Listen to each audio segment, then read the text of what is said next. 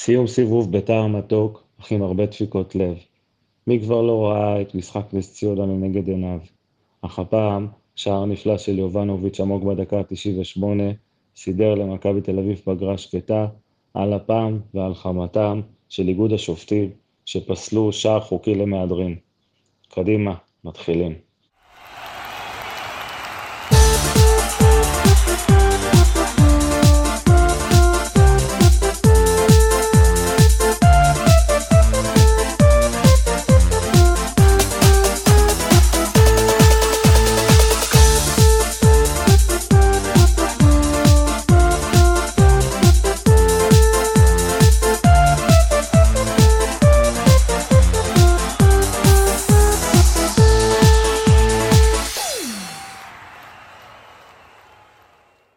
טוב חברים, יאללה, בואו נתחיל. אה, שבוע טוב, ערב טוב לכולם.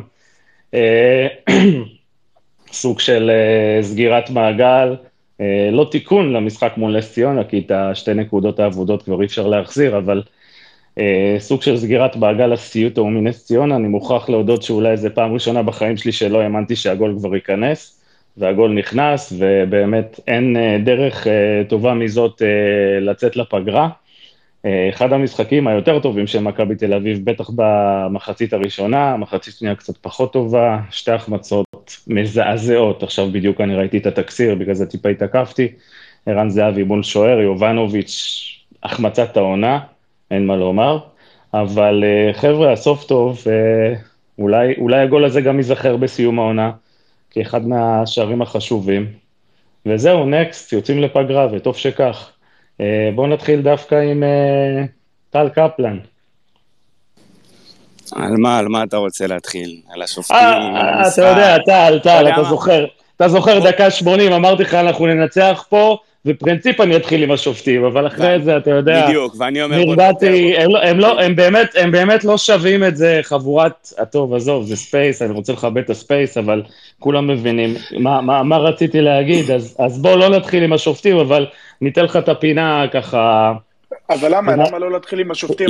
השופטים, כי ככה החלטתי, כי ככה החלטתי. טל, בבקשה. כן, אני לא- הסברתי, מיכאל, לא- אני לא רוצה לדבר על שופטים כרגע, אבל אנחנו נדבר עליהם היום. אל דברו, דברו על מה שאתם רוצים. מיכאל, אנחנו גם נגיע לזה, אל תדאג. טוב, מבחינתנו, כאילו, בשורה התחתונה, יוצאים לפגרה, אה, עם התוצאה הכי טובה שאפשר, שזה שלוש נקודות. איך, למה, מי ואיך, זה כבר דיון שאפשר לפתוח אותו מפה עד מחר. וזה סופר חשוב השער הזה, וזה מזכיר נשכחות מפעם. כמו שאמרתי לכם, שלא הפסדנו עונה בנובמבר עם איזה תיקו מול נס ציונה, אז גם היום לא, לא הרווחנו את העונה, או זה לא משפר את המעמד שלנו ולא שום דבר. זה שלוש נקודות סופר חשובות לקראת החופש הזה, שיהיה לשחקנים הרבה עבודה, ומן הסתם גם לאיביץ' הרבה עבודה. אה, עוד משחק טיפוסי של מכבי מהחודש האחרון, אנחנו מגיעים להמון המון הזדמנויות, פותחים את המשחק רבע שעה 20 דקות ראשונות מצוינות. הגענו, אם אני לא טועה, אה, ראיתי קצת בסטטיסטיקה, 13 הזדמנויות, רק פעמיים כאילו למסגרת. אנחנו החמצנו כל כך הרבה היום, ערן עם 0 מ-4, יובנוביץ' 1 מ-3. זאת אומרת, היינו שם כל כך הרבה פעמים ולא השכלנו לנצל, עם כל זה שהשופטים פסלו לנו ולקחו לנו ושתו לנו ואנחנו יכולים לבכות על זה עד מחר. היינו שם בהזדמנויות שלנו, היינו שם במצבים שלנו, ולצערנו לא הצלחנו לנצל את זה לנכון, וזה כאילו בעוכרינו. יודעים, יש תלונות לכולם, זה עם משחק פחות טוב, זה עם משחק יותר טוב. בסופו של דבר באו החבר'ה, נלחמו, ואלה עם השחקנים הוותיקים יותר, אה, באו והראו בסוף. גם אם לניר ביטון היה משחק פחות טוב או יותר טוב, הוא ידע לדחוף את הכדורים קדימה, ולוקאסן עם הבישול בסוף שם בין השחקנים ליובנוביץ', שבמהלך הכי קשה שיש, הוא עשה את ה-1-0 הזה. אה, דווקא לוקאסן היה במשחק פחות טוב, אה, תשעה מ-18 במאבקים, למרות שלא היה פה יותר מדי, כאילו, הפועל חיפה הגיעו להזדמנות וחצי כל המשחק הזה, והיא באמת יריבה שזה מצחיק, מצחיק איך שהם היו מול מכבי חיפה, מצחיק איך שהם התמודדו מולנו, ו... ואוי ואבוי לנו אם לא היינו מנצחים את המשחק הזה. אבל אני, אני טעון על הנושא המרכזי ואני אשמור את זה לעוד מעט. אה, בואו ניתן לחברים להרחיב במקצועי.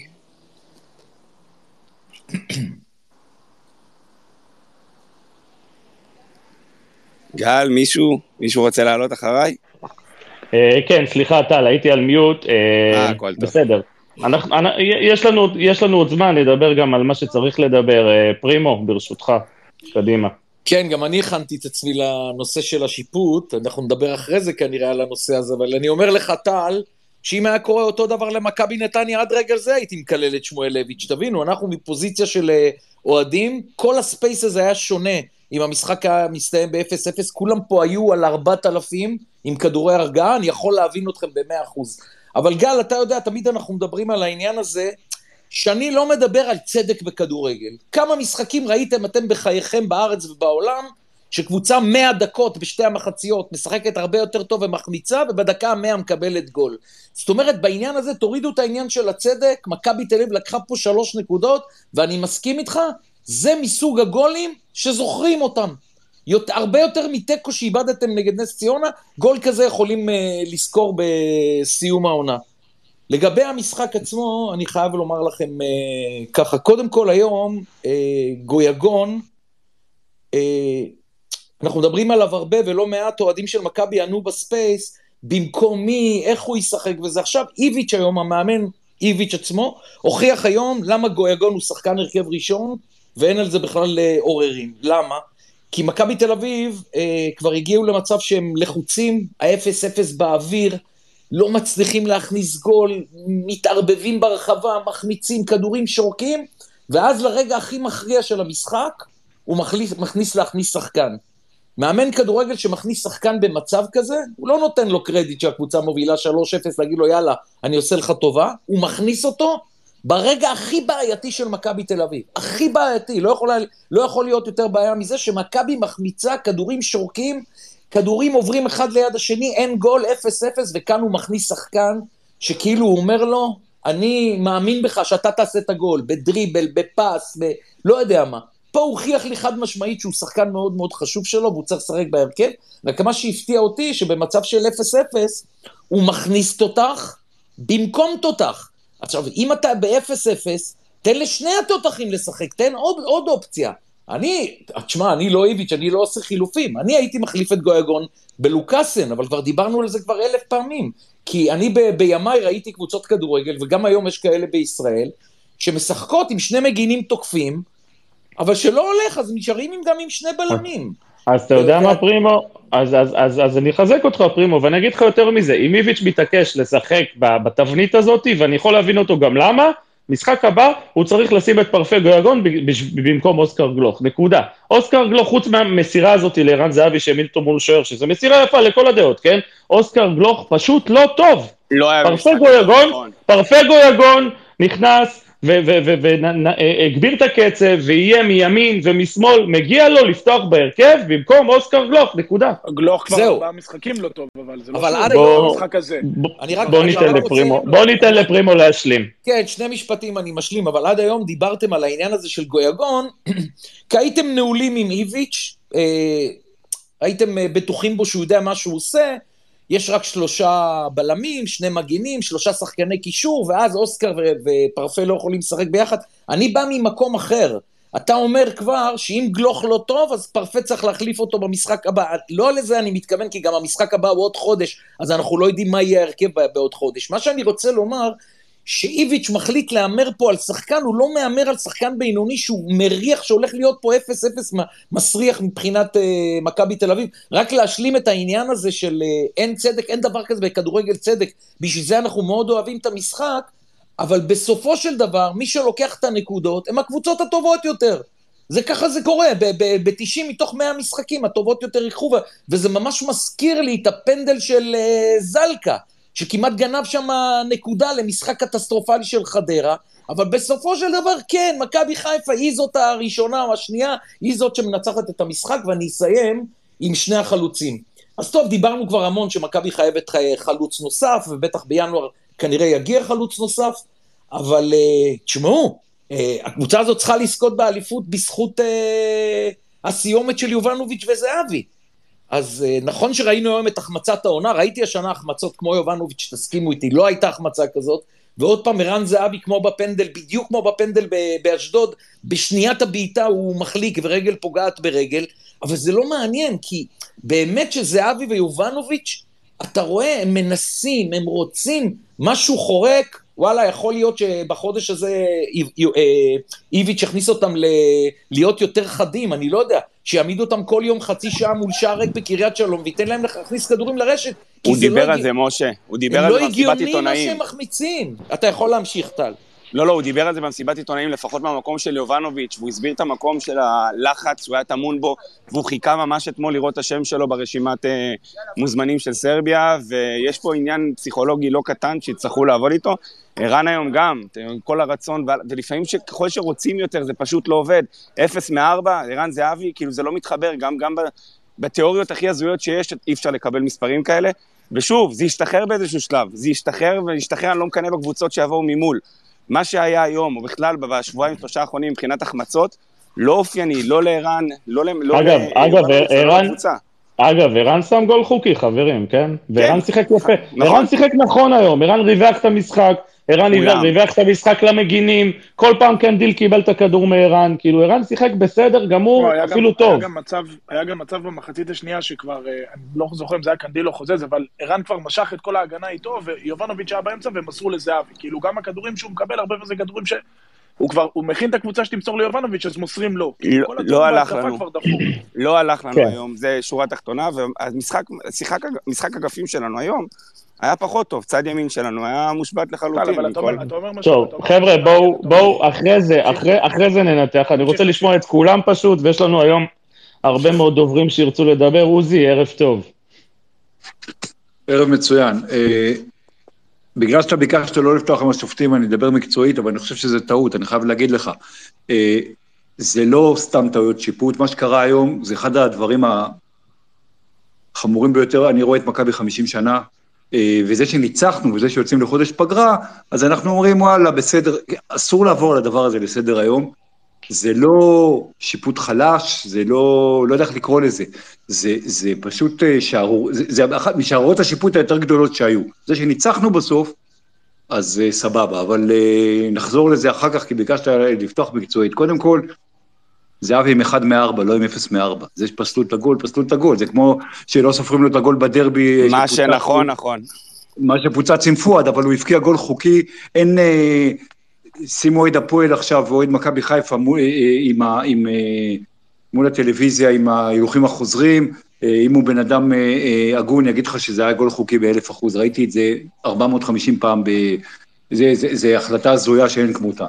יובנוביץ', אני חושב שזה באמת שער עם הלחץ שהוא נמצא, עם, ה, עם הדאון שהוא נמצא בזה שהוא לא בסגל הסרבי, עם ההחמצה המטורפת שלו בחצי הראשון, לשים גול כזה בדקה 98, וזה גול קשה מאוד, זאת אומרת, זה לא איזה דרדלה ש, שהגיעה ונכנסה, זה, זה גול מסף הרחבה, הקשתה, זה... הוא חלוץ מעולה, ו, וזה אולי... אה, ברמה מסוימת חבל שיוצאים לפגרה, כי, כי, כי עכשיו אה, לך תדע מה יהיה עוד חודש. אה, בשורה התחתונה, כמו שאמרו פה לפניי, מגיעים להמון המון הזדמנויות. אה, בואו נזכור שבסופו של דבר מכבי תל אביב זה הקבוצה שהבקיעה הכי הרבה שערים בליגה, גם כשזה, אז, אז, אז גם כשאנחנו מחמיצים, זה, זה בסוף ייכנס, ו...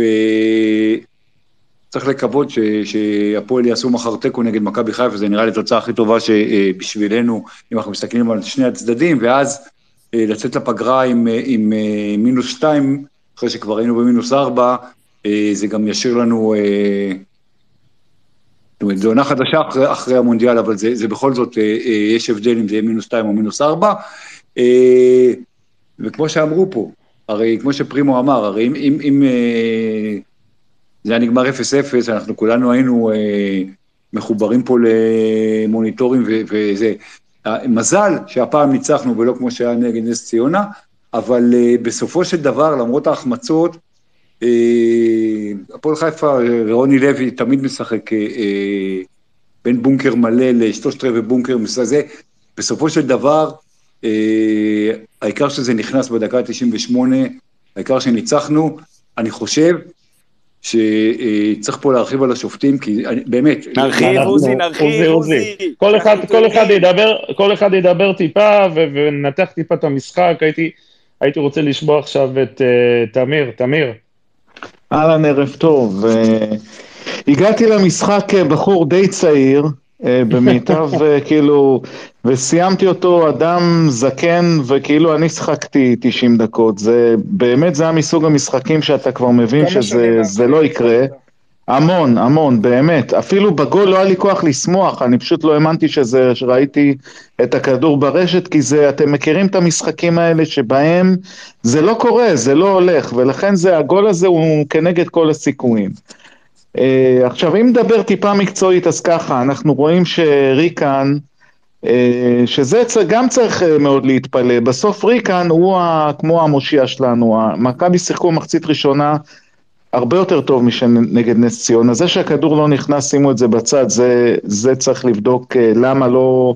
המצבים שהגענו, חוץ מההחמצה הנוראית הזאת, הם, הם, הם היו יותר חצאי מצבים. אבל ריקן. שיחק טוב מאוד, והגול כמובן, וריקן שיחק טוב מאוד, והוא גם עוד מאמן על המגרש, והוא משחק קדימה, והוא הוציא אותו מהנפטלין והוא היה טוב מאוד.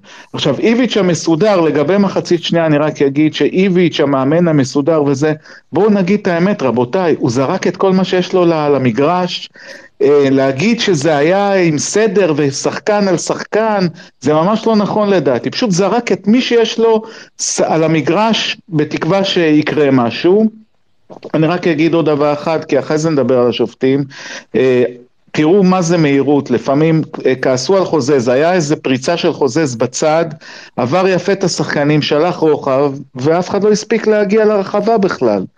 אז תראו מה זה שיש שחקן מהיר אחד, ושאר השחקנים הם לא מספיק מהירים, וזה דופק אותנו כל הזמן, זה שאנחנו רגע, לא מספיק. מהירים מלפנים. אז תמיר, אז תמיר, בוא, בוא נפתח את זה עכשיו, באמת, את ה, כל הנושא הזה של המהירות. תגיד, למה אנחנו לא יכולים להוציא קרן כמו מכבי חיפה? יש קרן, לא. מגיע, לה, מגיע לנקודה, שם את היד על הכדור, כמו אצילי ו- ו- ושרי, ומוציא, ו- וממשיך את המשחק, ממשיך את הלחץ. נותן לא לה, ההגנה. לא מאורגנת, אני לא מבין, באמת, אני רואה, אני רואה את. אוסקר גלוך, אני רואה את אוסקר גלוך, דקה 67, הכדור יוצא לקרן, הבחורצ'יק, הילד, מטייל, הולך לדרך כן, הקרן, נכון, מסדר את. עצמו, שם את כן. הכדור, כאילו, הוא בזבז אולי איזה שלושים, ואז הוא נותן גם לנאי לודה להתחיל עם כל הקשקושי רחבה, ומפריד, ומדבר, והרצאות של חבר'ה. השופט, הרצאות חבר'ה, של השופט. ועזוב, גם, גם אני כועס, אני אגיד לך את האמת, אז דווקא במשחק כזה שאנחנו מנצחים, ולא במשחק כמו נס ציונה, שגם היו לי טענות לשחקנים, כן, אבל נמנעתי. הנריק סבורית וניר ביטון משחקים לאט, חברים, משחקים לאט. מאוד אה, אה, מאוד אפשר. להגיד, אה, לוקאסן לא במשחק ענק היה היום, באמת, אבל הוא משחק מהר, הוא דוחף את הכדור, הוא מניע את הכדור, הוא רץ עם הכדור.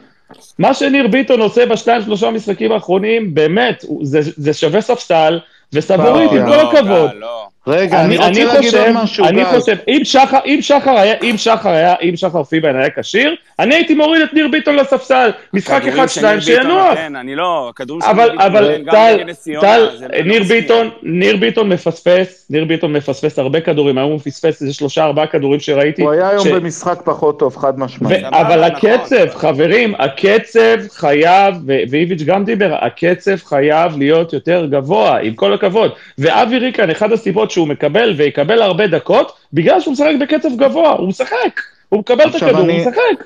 גל, אני רוצה להגיד עוד משהו אחד, חוץ מהקרנות האאוטים שלנו. אני מזכיר לכם שבאאוטים אין אופסייד.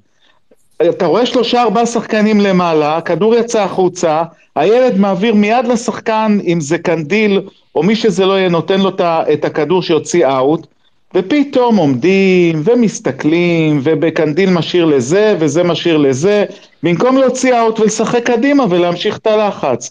אז חבל מאוד, הקרנות והאוטים שלנו זה שערורייה, ובכלל, יחסית הקצב שלנו, אנחנו כאילו לוחצים, כאילו עושים press, אבל למעשה הרבה פעמים אנחנו משחקים מאוד לאט, אני אומר את זה הרבה ספייסים. תודה, תמיר, עודד קרמר. ערב טוב, מה העניינים? טוב, האמת שלקח לי זמן להגיע, אז לעלות, אבל uh, כבר רוב אמרו את רוב הדברים, אני אגיד שני דברים. קודם כל, uh, ב-30 דקות, uh, ב-30 דקות הראשונות משחק הלחץ שלנו היה הכי טוב שראיתי אותו הרבה זמן. Uh, לחצנו טוב מקדימה, הגענו להזדמנויות, כבשנו, לא משנה, שופטים, לא שופטים, לא נכנס לזה עכשיו. Uh, אבל uh, בסך הכל נראינו מאוד טוב. ריקן, uh, כל מה שאין לו ביכולת uh, נותן באנרגיה באמת מדהימה, שמאוד משפרת את המשחק uh, מעבר שלנו. Uh, תראו, זה משחק כזה שהיינו באמת דקה מללכת לחודש איום ונורא. זה היה ממש ממש חשוב הניצחון הזה, בלי קשר לאיך שהוא הושג, רק לא לצאת לפגרה ב, בדיכאון. אה, ואני חושב שזה היה משחק, ת- תראו גם, זה קצת מצחיק להגיד, אבל אה, הפועל חיפה שיחקו נגד מכבי חיפה גם כן הפסידו 1-0, הם קבוצה קשה שסוגרת האמצע, הלכנו קצת יותר מדי בראש בקיר באמצע, כי האגפים שלנו לא מספיק טובים, and it shows מה שנקרא, זה מה שראינו פה היום. אה, בסדר, אה, יש הרבה עבודה בפגרה, וטוב שהיא באה, אין לי הרבה מה להגיד מעבר לזה. עודד, היא קבוצה מאוד חלשה, בוא נגיד את הדברים כמו שהם. שחקנים מנוסים אמנם, אבל זרים על הפנים, וקבוצה שנשכבת, הפועל חיפה הגדולה, נשכבת כל שלוש דקות על הדשא, וזו טענה, זה, זה הגעיל אותי ברמת, אם אתם נס ציונה, אז אתם נס ציונה. אבל אל תגידו לי שאתם איזו קבוצה גדולה מחיפה, או קבוצה אליפות הם... לפני זה 20 קבוצה שנים. של רן, עזוב, זה קבוצה של רן בן שמעון, מה חשבת שהולך לקרות שם? איזה לא קול הייתה אמורה לצאת? רוני לוי, רוני. לוי. של רוני לוי. כן, של רוני לוי, מה, איזה, איזה, איזה קול הייתה אמורה לצאת שם הם מהברז? אפילו לא ניסו לצאת קדימה. ברור, כאילו, בסדר, אבל תקשיב, גם, תקשיב, גם בוא רגע נגיד משהו, המערך שלושה בלמים של מכבי שכולם תוקפים אותו יש- זה, ניר ביטון לא משחק שלושה בלמים, זה לא באמת שלושה בלמים. יש לך בלם אחד שעולה קדימה, בטח אחרי שהוצאת את, אה, את, את השש שלך, יש לך בלם אחד שעולה קדימה, אנחנו לא באמת משחקים בשלושה בלמים, זה לא, זה לא משנה את העובדה, איביץ' לא מרגיש שאנחנו יכולים לשחק אה, באופן ש, שבו אנחנו, אה, שבו הוא היה רוצה, אה, הוא משחק את המשחק הזה, כרגע משחק האגפים שלנו הוא לא מספיק טוב, למרות שצד ימין, בש- היו כדורים טובים במחצית הראשונה, זה לא שלא היה שם, בוא, בוא נגיד אה, את האמת, אבי ריקן שיחק כשש עם כרטיס צהוב לא מעט דקות, מחצית השנייה. זה משהו שאני כאילו ניסיתי להבין אותו בהתחלה, ולא כל כך הצלחתי להבין את העמדה שם עם החילופים של גויגון, אה, נכנס שם במקום אוסקר, אבי ריקן ירד כשש במקום גולסה, וס... כאילו, איביץ' ניסה. לדחוף כמה שיותר קדימה, הוא, הוא ויתר על החלק האחורי שלו, מה שנקרא, הוא שמח על שלושת השחקנים האחוריים שלו, וויתר באיזשהו שלב רק שיהיה כמה שיותר שחקנים שידחפו קדימה. לא, אה, אבל זה הימור, קפלן, אני מסכים איתך, זה הימור שיכל לעלות לנו במשחק. בדיוק, ש- נכון, נכון, היינו חשופים מאחורה. הוא לא- גם ככה הוא לא- הוא לא משחק כשש, ואתה יודע, הוא אמור ל- למנוע מתפרצות במקרה ו, ואם הוא מקבל אדום פתאום מ- מאיזה צהוב שני, כל המשחק מתחרבן, לא הבנתי את ההימור הזה. אז, אז זה, זה מה שאמרתי, בסוף מי, ש, מי שיכול להגיד לי איזה מערך שיחקנו, אני אשמח, כי לא היה מערך. היה שחקנים, קדימה. מעניין, מעניין אותי, מעניין אותי סתם, היפותטית, אם היינו מוציאים 0-0, כאילו, איך, איך היה נראה הספייס הזה? למי היינו באים בטענות? כאילו, זה מעניין. לכולם, מה? לכל יש רק לשיפוט. רגע, אתם יודעים למה אני שואל? אתם יודעים, כי השאלה הראשונה של מוטי פשחצקי ל- לאיביץ' במסיבת עיתונאים הייתה, איביץ', זה היה המשחק הכי טוב שלכם העונה. ואיביץ' נקרע מצחוק, הוא אומר לו, מה? אם לא היה מופקע הגול הזה, אז הוא אומר לו, לא, לא, ככה או ככה הייתי אומר שזה משחק הכי טוב בעונה. השאלה אם. הוא ניסה לעקוץ במתכוון, או שיצא לא, לו לא, בטעות. לא, לא, אה, לא, הוא לא, הוא לא, הוא לא ניסה לעקוץ, אבל, לא, אתה יודע באיזה זה... הקשר- אני אומר את זה, כאילו... לא, לא, לא, לא יודע. אתה יודע מה? אני, אני לא באמת יודע. אני שמעתי את המסיבת עיתונאים, אני, אני, מספר מה ש, אני מספר מה ששמעתי. בסופו של דבר זה, זה השפיץ של הנעל, ואם uh, יובנוביץ' לא היה מכניס את הכדור הזה, אז מעניין על מה היינו מדברים. אולי על החילופים של איביץ', אני לא יודע, באמת, אבל זה באמת לא, זה באמת לא רלוונטי. בואו נשמע את מיכאל אה, לויט, מיכאל דן, ואחרי זה את רענן. מיכאל, לויט, קדימה. כן, אני, אני אקצר הפעם, אה, כי רוב הדברים כבר נאמרו. אני מודה שאני בערך במחצית, סביב דקה חמישים, כבר אמרתי שצריך להוריד את יובנוביץ', כי אי אפשר לראות את זה. זאת אומרת, מכבי תל אביב הייתה צריכה ללכת לאיזשהו מהלך אחר, להכניס שני עשיריות, אולי להכניס את יונתן חלוץ שני, ואיכשהו יובנוביץ' בסוף, מכל המצבים שהוא צריך להגיע במשחק, שם דווקא את הגול הזה שהוא הכי הזיה בסיבוב, הוא בכלל לא ראה את השער, איכשהו הצליח לשים גול ממצבים הרבה יותר פשוטים שהיו לו.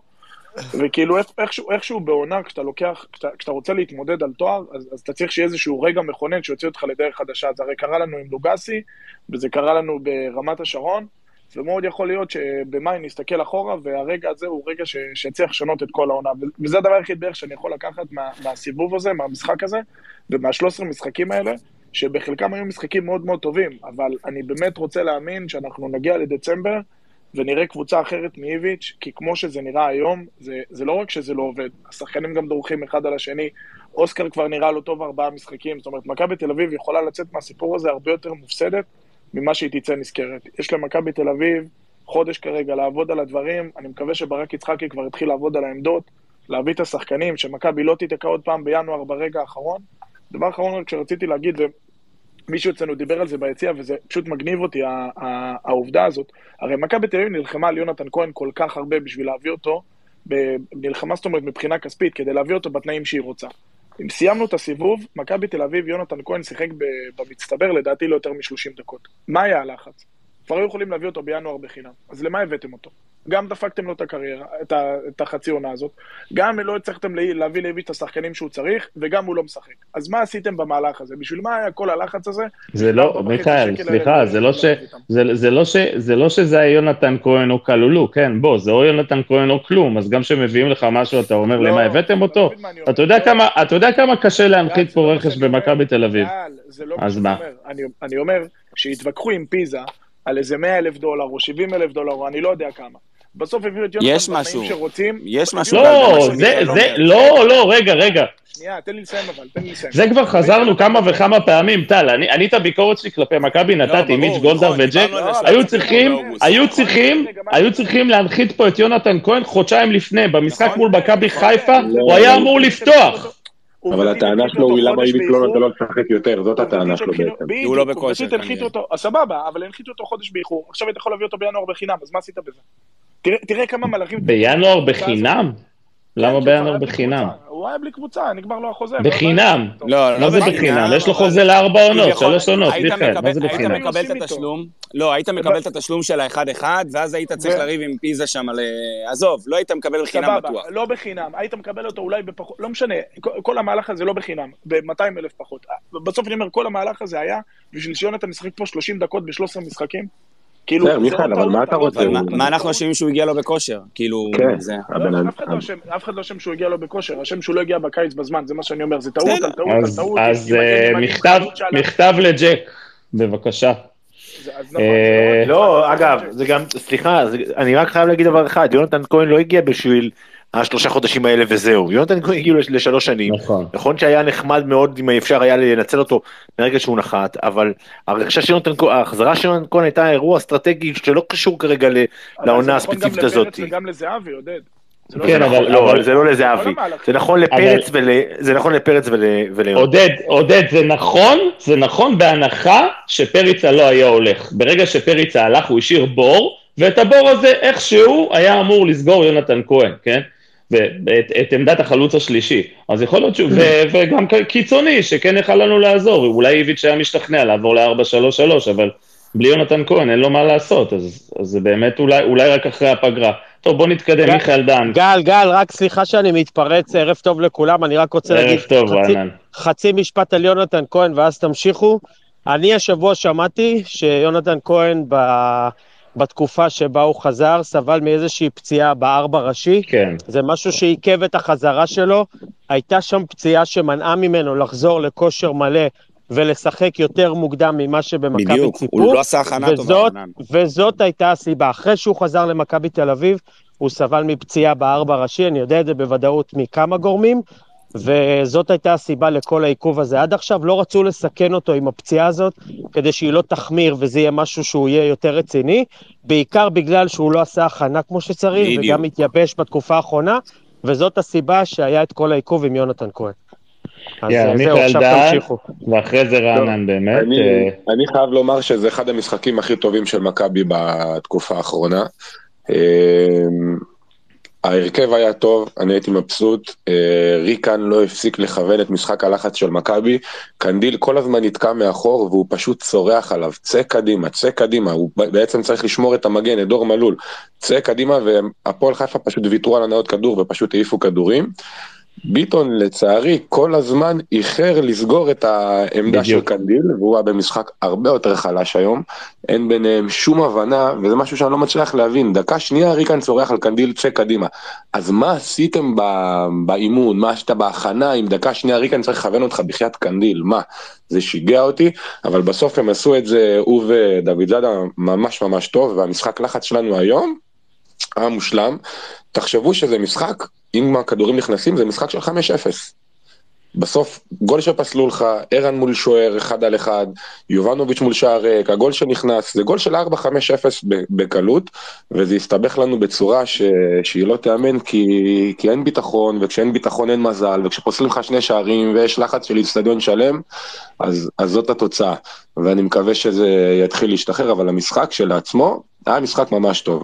אה, לוקאסן, לדעתי אדיר, גם באחד על אחד הוא כל כך מהיר, הוא סוגר מלא חורים, הוא פיזי, אה, הוא טוב במשחק גובה, אני ממש אהבתי את המשחק שלו למרות כמה פספוסים במשחק הרגל, ולגבי החוליה האחורית, מה שסאבו עושה בצד שמאל עם ההצטרפות שלו, ניר ביטון יכול לעשות בימין, ואז אתה לוקח את המערך הזה של השלושה בלמים, ואתה בעצם הופך אותו למכונה התקפית מטורפת. פשוט ניר ביטון, הוא עשה את זה רק ברבע שעה האחרונה, לא מצליח להבין למה הוא לא עושה את זה יותר. תעלה קדימה, תעשה את המשולש הזה מצד ימין גבוה, ו... ותרוץ על זה. אגב, הם וזה- הם עשו את זה הרבה נגד נס ציונה, נגד נס ציונה הוא- הוא הוא היה יש לו על את השש. הכלים, יש לו את הכלים, הוא טכני, אני לא יודע, ואני מצטרף אליך, הוא היה היום חלש, הוא הרבה זמן חלש. הוא איחר, הוא איחר, מיכאל, כמו שאמרת, הוא איחר, הוא איחר בהרבה, הרבה פעמים שהוא צריך לקחת את הכדור, ואז להוציא אותנו לאיזה מעבר, חצי מעבר כזה, הוא מפספס. הכל לאט, הכל לאט, ובאחד על אחד עברו אותו בלי סוף, ואני לא יודע מה, מה הסרט שלו. אה, לגבי החוליה הקדמית, לא נכנס, אבל הכל עבד נהדר. באמת שמכבי כקבוצה היום, להגיע לכל כך הרבה מצבי כיבוש ודאיים, זה כל מה שאתה רוצה ממאמן שיכין את הקבוצה שלו. משם, כשזה לא נכנס, זה כבר התקופה האחרונה הזאת ש, שאנחנו שרויים בה. אני ראיתי את ערן, את אה, ריקן בסוף, כשהם באו לקהל, וריקן עושה לו, מה זה, מה זה הדבר הזה, איך אתה מסביר את זה? ערן מסתכל למעלה ואומר לו, אני לא יודע. זה היה פשוט כאילו, אני בטוח שגם הם מרגישים את ה vibe. הנוראי הזה ש, שנוחת עליהם. Uh, לגבי הניהול משחק של ליביץ', פה יש לי בעיה, כאילו הארגון שלו ואיך שהוא הכין את הקבוצה זה מושלם. הבחירה את הרכב, זה שהוא הוריד את גבי, כי גבי היה באמת פחות טוב בחודשים האחרונים, ושם את ריקן, מושלם. אבל החילופים, אני לא מצליח להבין. חוזז עם רגל על הקו, לא טוב, הוא לא טוב שם. אופיר היה מעולה. היה ממש מעולה, למה להוציא אותו, אלא אם כן זה פציעה, ולהכניס שם את חוזז. מרגע שחוזז נכנס לעמדה הזאת, ואין לי פה שום ביקורת על חוזז, כי הוא גרוע ב, בעמדה הזאת עם, קו, על- עם רגל על הקו. האגף השמאלי שלנו נמחק, וכשיונתן נכנס לצד שמאל, אז חוזז בצד ימין כן הצליח לייצר הרבה יותר דריבלים, כן סחט עבירות, כן תקף יותר, ושם העמדה הרבה יותר נוחה שלו. אז את זה אני לא מצליח להבין אבל גם מתן. עושה את זה בימין, כשמתן עבר ימינה, אני מסכים איתך מיכאל לגבי שמאל, אבל כשמתן עבר ימינה, הוא כן סחט שם עבירה ל-16 זה מה שאני שיונתן אומר. בען בעט לשום מקום. זה, זה מה שאני אומר. איביץ' חיפש- איביץ' חיפש טיפה יותר טכניות לדעתי ממה שנותן לו שם אה, דוד חי- כן, אבל אתה שחקן- מכיר אותו. כן, אבל הוא אה, חיפש שחקן שיעזור לפרפה, ושחקן שיגרוף כדור אחורה ויעשה את התנועה, ולאו דווקא... יפה, אז, אני שמח ש, שהוא שם לב ש, שחוזז ממש מתקשה עם רגל על הקו, ובחילוף הזה זה. אמ, אני כן, לא היה ברור לי מה ריקה נושא 6, היה לי דפיקות לב שם, הוא גם 6 עם צהוב, גם האמצע היה מופקר, והם הם הגיעו להרבה יותר מעברים, עד שדור פרץ בא ו, ויחסית סגר את זה קצת יותר, וזה היה 10 דקות, רבע שעה שהוא היה 6, שבאמת יכלו אה, לגמור לנו את המשחק.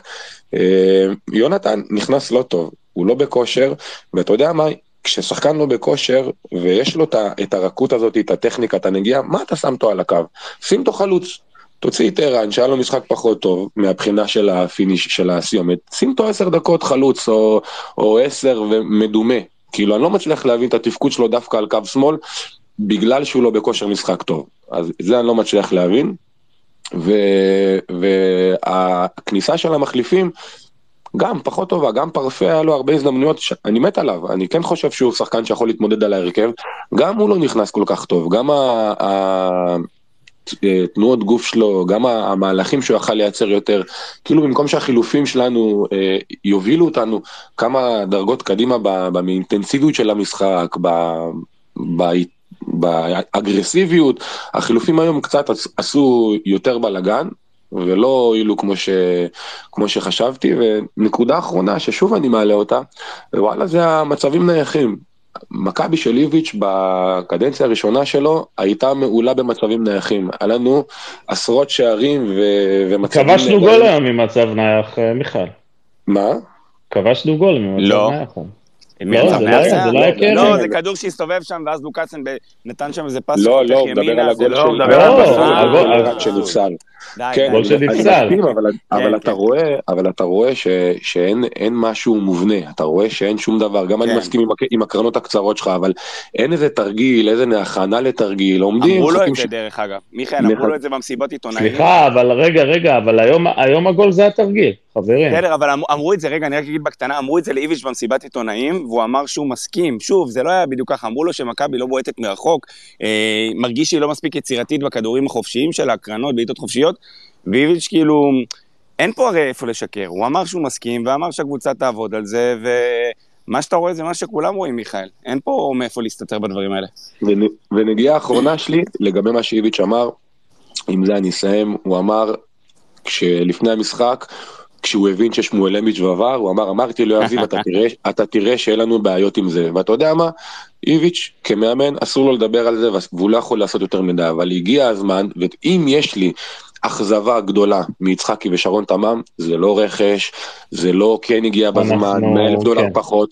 אחי, היית בכדורגל הזה 30 שנה, כוכב כדורגל, תבחוש, תהיה כבר, תן fight ליאנקלה, לא יכול להיות שמזיינים אותנו בכל הדברים האלה, בעונשים, בשיפוט, אחי, אתה עם אבל- התקציב הכי יקר. אבל בוא נשאל, מיכאל, מי אמור לטפל בזה? ואיביץ'- ואיביץ' אמר משהו נכון, מועדון צריך לטפל בזה, ואם מועדון צריך לטפל בזה כן. ברמה של לעשות סקנדלים, ולשלוח מכתבים, וללכת לערכאות אזרחיות, ולדרוש ששמואלביץ' לא ישפוט אותנו יותר, אז שיעשו את זה.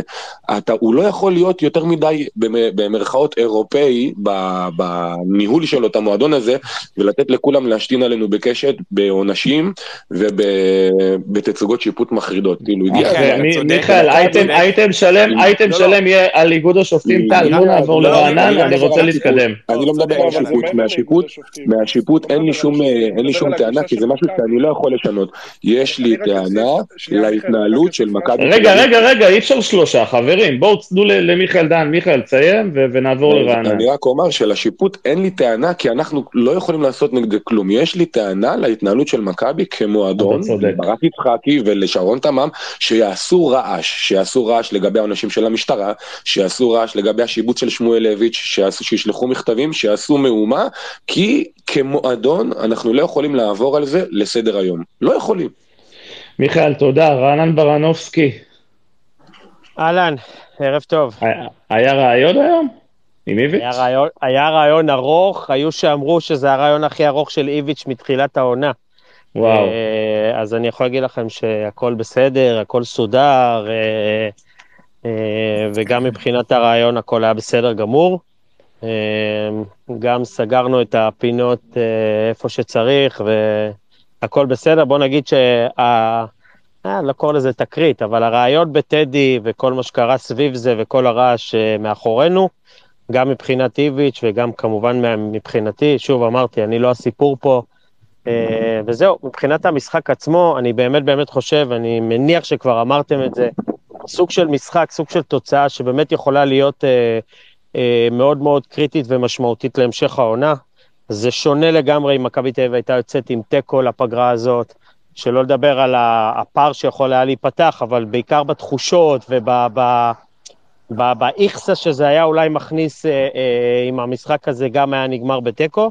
ושמעו, שמעתי את איביץ' גם בריאיון אצלי, הוא דיבר על זה באריכות, הוא אמר, אני לא יכול לבוא בטענות לשחקנים שלי על היכולת, אבל uh, מגיעים לו כל כך הרבה מצבים, הוא אומר, הוא אמר אפילו במסיבת עיתונאים, אני חושב שאנחנו הקבוצה שמגיעה להכי הרבה מצבים בכלל, אם תסתכלו על הכדורגל באירופה, ומחמיצים כל כך הרבה, uh, ובעניין הזה אני חייב להסכים איתו, בטח היום, כשהגיעו לכל כך הרבה מצבים, ולפחות איזה שניים, שלושה מצבים של, של, של 100% גול, והחלוצים, מגיעים למצבים, הוא כן אמר שהוא הוא כן רוצה שיפור בכל מה שקשור במצבים הנייחים ובזה שכשהכדורים מגיעים מהאגף אז הוא מרגיש שלא מספיק שחקנים, אה, אני לא זוכר את המילים הספציפיות שהוא דיבר עליהם, אבל הוא אמר ש, שאנחנו צריכים להיות יותר רעים בחלק ההתקפי בתוך הרחבה, שלא יכול להיות שהרבה כדורי רוחב מגיעים בקלות לבלמים של הקבוצה היריבה ולשוערים, וגם החלוצים, אבל לא רק החלוצים. הוא אומר, מבחינתי קבוצת כדורגל היא לא רק שני החלוצים, אלא גם אלה שמצטרפים, וגם ראינו אותו היום מתעצבן מאוד הרבה פעמים על קרוסים שכן היו טובים, ופשוט לא היה שם אף אחד שידחוף רגל. ופה זה כבר לא, אה, היו כן היום אה, אה, מספר אה, כדורים שהגיעו מהאגף, גם של קנדיל, גם של חוזז, גם של, אני לא זוכר מי עוד היה, שכן הצליחו להכניס כדורים לתוך הרחבה. אה, ומבחינת המשחק, אה, גם על זה דיברו במכבי תל. אביב. ש... כן, נכון, נכון, נכון, נכון, נכון, נכון, נכון, נכון. אז כאילו מבחינת איביץ' הוא אומר, מה, מה, מה אני יכול להגיד כאילו על, ה, על הקבוצה? הקבוצה מגיעה למצבים, משחקת, אנחנו בקצב גבוה, אנחנו מגיעים להרבה מצבים, אנחנו לוחצים, אה, גם משחק ההגנה סך הכל מאוד מאוד השתפר השנה, ובאמת, צריכים לתת את הדעת, וגם איביץ' יודע על כל הנושא של הסיומת, כי זה משחק שהיה צריך להיות בקלות 3 ו-4-0, ולא לקחת אותו לתוך הדקה ה-99, ש- שבאמת יוצא אמיץ, ואני חושב שבסוף יובנוביץ' הכניס בשלושת המשחקים האחרונים אולי את הכדור הכי קשה שהיה לו מכל המצבים. ראינו את ההחמצה שלו במחצית הראשונה, שעד עכשיו אני לא מבין איך הפס של קנדיל אה, והכדור שלו עלה למעלה, אבל בסך הכל מבחינת מכבי תל אביב, ברור שהיא יכולה להיות מאוכזבת אחרי סיבוב כזה מבחינת צבירת הנקודות, אם אני לא טועה זה 29 מ-39, אבל עדיין, אני חושב, ואיביץ' גם אמר את זה במסיבת עיתונאים בסוף, שהכדורגל הוא כמו סוג של גלגל, שדברים, אה, שהוא אומר, אני מאוד מקווה שהדברים שהלכו לנו קשה עכשיו, אולי ילכו קצת יותר קל אחר כך, ואז הדברים גם ייראו אה, יותר טוב. אני חושב שבסך הכל, כל המשחקים האחרונים, אגב, גם המשחק בטדי, שנגמר 3-0, היה צריך להיות 3-0 בשלב הרבה יותר מוקדם של המשחק הזה. ובטח המשחק מול נס ציונה, ובטח המשחק הערב, אבל uh, זה, זאת המציאות, ו, וראינו אותו ככה, אני לא יודע אם שמתם לב, אני כמובן הסתכלתי רק עליו, כי כבר בתשע דקות של התוספת זמן, כבר חשבתי איך אני ניגש לרעיון של סוף המשחק, עם 0-0, אחרי כל כך הרבה uh, מצבים, ופשוט ראיתי אותו עומד במקום, הוא הצטלב שלוש פעמים, וככה שלוש- עשה יש גיף של זה הידיים. כבר. יש כבר אה, גיף כן, של לא זה, ראיתי את זה. לא ראיתי, אוקיי, כן. אוקיי, מה- מעולה. הוא פשוט הצטלב שלוש פעמים וכאילו אמר תודה אלוהים שנתת לכדור הזה להיכנס, ואני יכול להבין, אתה יודע, החיים של המאמן הם מאוד מאוד קשים, בסוף הוא תלוי באמת בשפיץ של הנעל, ואנחנו יכולים לבוא אליו בטענות ויכולים להגיד, ובדיוק כמו שאמרת עכשיו, גל, שמעתי ככה חלק מהמשפטים שאמרת, מה היה קורה אם הכדור הזה לא נכנס ואנחנו אה, עושים עכשיו space אחרי 0-0, שלכאורה זו תוצאה גרועה מאוד. עם אה, עוד איבוד נקודות, אבל מצד שני, מבחינת ההגעה למצבים, וזה זה משחק שאמור להיגמר בתוצאה הרבה יותר גבוהה. Uh, אז גם איביץ' אמר את זה, והוא ראה הרבה מאוד uh, נקודות לשיפור, הוא גם זרק בחצי משפט שמבחינתו גם בפגרה זה יהיה זמן uh, בשביל uh, להכין שחקנים ולחשוב על חילופי שחקנים. אה, ואני חושב שהפגרה הזאת היא, אה, אני אגיד סוג של באה בזמן מבחינת הקבוצה, ככה להכניס שחקנים לכושר. על יונתן דיברתם קודם, וככה אמרתי לכם מה הסיבה שהוא לא שיחק יותר עד עכשיו. הייתה שם איזושהי פציעה קטנה, קטנה בארבע ראשי, לפי מה שאמרו לי, ולכן לא ממש רצו לסכן אותו, אז אני מניח שגם שחקנים כמו ערן זהבי שיהיו יותר חדים, ויונתן, וימצאו גם, אה, צריך לדבר על, על אוסקר גלוך, שבשלושת המשחקים האחרונים, אה, המשחק הקודם הוא לא שיחק, אבל היום אני לא, לא חושב שהוא היה במיטבו. אה, הוא מאוד מאוד מתקשה, אני לא יודע אם זה בגלל העמדה שבה הוא משחק, או שמשהו עובר עליו, דווקא אני הייתי בטוח שאחרי שהוא האריך את החוזה, וככה העניין הזה ירד מהכתפיים שלו, זה קצת ישחרר אותו ו- ויגרום לו להיות הרבה יותר טוב, בטח כמו שהוא היה עד עכשיו, אבל זה לא קרה. אה, מצד אחד, הרבה חומר למחשבה והרבה דברים לעבוד עליהם בפגרה. אני הבנתי שמכבי יוצאת גם למחנה אימון בטורקיה, אני מניח שיהיו גם אה, משחקי אימון ב- בשלב הזה. בטורקיה? אה, זה מה כן, שהבנתי. כן. כן, מחנה אני אימון עוד באנטליה. כן, אני עוד לא יודע אם זה נסגר רשמית, אבל הבנתי שזה הכיוון, מחנה אימון ב- ב- באנטליה או ב- ב- בעיר אחרת. אנטליה, אה, אנטליה. אוקיי, אז אם אתה אומר, אני כמובן רק סומך שפרפה לא עליך. ישכח את הדרכון. אה, כן, רענן, רענן, יש לי שאלה, יש לי איזה חידה כן. ככה לכל. החבר'ה. מה משותף ל- לדור פרץ, יונתן כהן, ערן זהבי, ניר ביטון ולוקאסן? או, אה, לא יודע, תענה אתה. לא עולה לי מחנה עכשיו. זה חמ- חמשת השחקנים האלה, שהם שחקני הרכש שלנו, כן? לא עשו מחנה אימון עם מכבי תל אביב, אפרופו מכבי חיפה, שהתעקשה, שהתעקשה לסגור סגל לפני אה, אה, שיצא למחנה אימונים כדי להיות מוכנה לאירופה, כי היה להם אירופה גם והכל, אבל בדיעבד הם היו מוכנים גם לליגה. חברים, חמישה שחקנים של מכבי תל אביב, חמישה שחקנים ש, ש, שצריכים לפתוח בהרכב, ארבעה מהם פותחים, לא עברו מחנה אימון עם מכבי תל אביב, לא עברו הכנה. אבל לוקאסן היה צריך לשחק נגד ניס גם, נו, זה הכל... אה, לא, אתה לא, מבין עזוב. ש... אבל אתה מבין, גל, אבל אתה מבין שזה גם נקודת ביקורת כלפי מכבי תל אביב. בוודאי, זה רק, שוב לא היה זה רק, מוכן, אוקיי. זה רק אוקיי. נקודת ביקורת, זה, אז אני אוקיי. אומר, אז יכול להיות, אז יכול להיות שהמחנה אימונים הזה, הוא באמת, סוף סוף, איביץ' יהיה לו, ואגב, אה, רענן, מי כמוך יודע, אנחנו ראינו את משחקי ההכנה, איביץ' לא שיחק אה, שלושה בלמים במשחקי ההכנה. נכון, פרפה נכון. היה ימין, פרפה היה שמאל, גם נגד נתניה בגביע הטוטו, הוא שיחק 4-3-3. אם אני לא טועה, אתה מבין? אפילו את המערך הזה הוא לא תרגל במחנה אימון. אני אגיד לך משהו, אני אגיד לך משהו שככה, אני אגיד אותו בזהירות, וכמובן לכאורה והכל, אבל אה, אני חושב שאיביץ' מתעקש לשחק עם המערך הזה כדי להבהיר כמה חסרים לו הווינגרים שהוא באמת רוצה. הוא לא רוצה להתפשר בסגל הנוכחי, וכן לעבור למערך של 4-4-3, שאני בטוח שהוא מת לשחק אותו כבר, כדי להראות גם- למי גם אם זה שצריך יעלה להראות... בזה שהוא לא ייקח אליפות? מה זה לא, מתעקש? אתה מתעקש תקשיב, לא, לא, להראות רגע? רגע, רגע. מתעקש? לא. רגע, אני שוב אומר את זה לכאורה, זו תחושה שלי בלבד, לא על סמך ידע. אני רק אומר את זה שבסופו של דבר, ואמרנו את זה, את המשחקים האלה של הפועל חיפה ונס ציונה והפועל ירושלים, הוא צריך לנצח בכל מערך, בכל סגל, עם כל הרכב, ואני חלילה לא מזלזל בשום קבוצה, אבל זאת מכבי תל אביב שרוצה להחזיר לעצמה את האליפות, אז את המשחקים האלה היא צריכה לנצח. אני חושב שאיביץ' מראה שהוא, ותשמעו, לפחות לפי מה שהוא אומר, אני לא יכול להתווכח איתו, כי זאת הדעה שלו. הוא אומר מבחינתו שאין לו שום ווינגר, כמובן שעכשיו יונתן כהן חוזר לעניינים, אז זה יהיה קצת אחרת, אבל עד עכשיו לא היה לו ווינגר שהוא יכול להשתמש בו. וגם כשהוא נותן לפרפה לשחק, הוא מעט מאוד פעמים נותן לו לשחק על הקו. דווקא היום ראינו את פרפה פעם אחת שם בשמאל, קושר את המגן שלו ליד הקרן, וכן מוציא שחקן, אה, אה, כן מוציא מסירת רוחב. אני חושב שיש בזה סוג של, אני לא אגיד התרסה, ואני לא אגיד שהוא עושה בכוונה, אבל יש בזה איזשהו איתות או, או איזשהו מסר שהוא רוצה להעביר. אני רוצה ווינגרים טבעיים, אני רוצה ווינגרים כמו שאני חושב שהווינגרים צריכים להיות, ואני מניח שהוא יקבל אותם לקראת ינואר, כי ברור שמכבי תל תעשה שינויים, וזה יהיו שינויים אה, משמעותיים של, אני מניח, בין שניים לשלושה שחקנים בוודאות, אם לא יותר, כמובן שגם ישוחררו שחקנים, ואני מניח שאנחנו נראה גם מכבי תל אביב אחרת לגמרי אחרי הפגרה הזאת.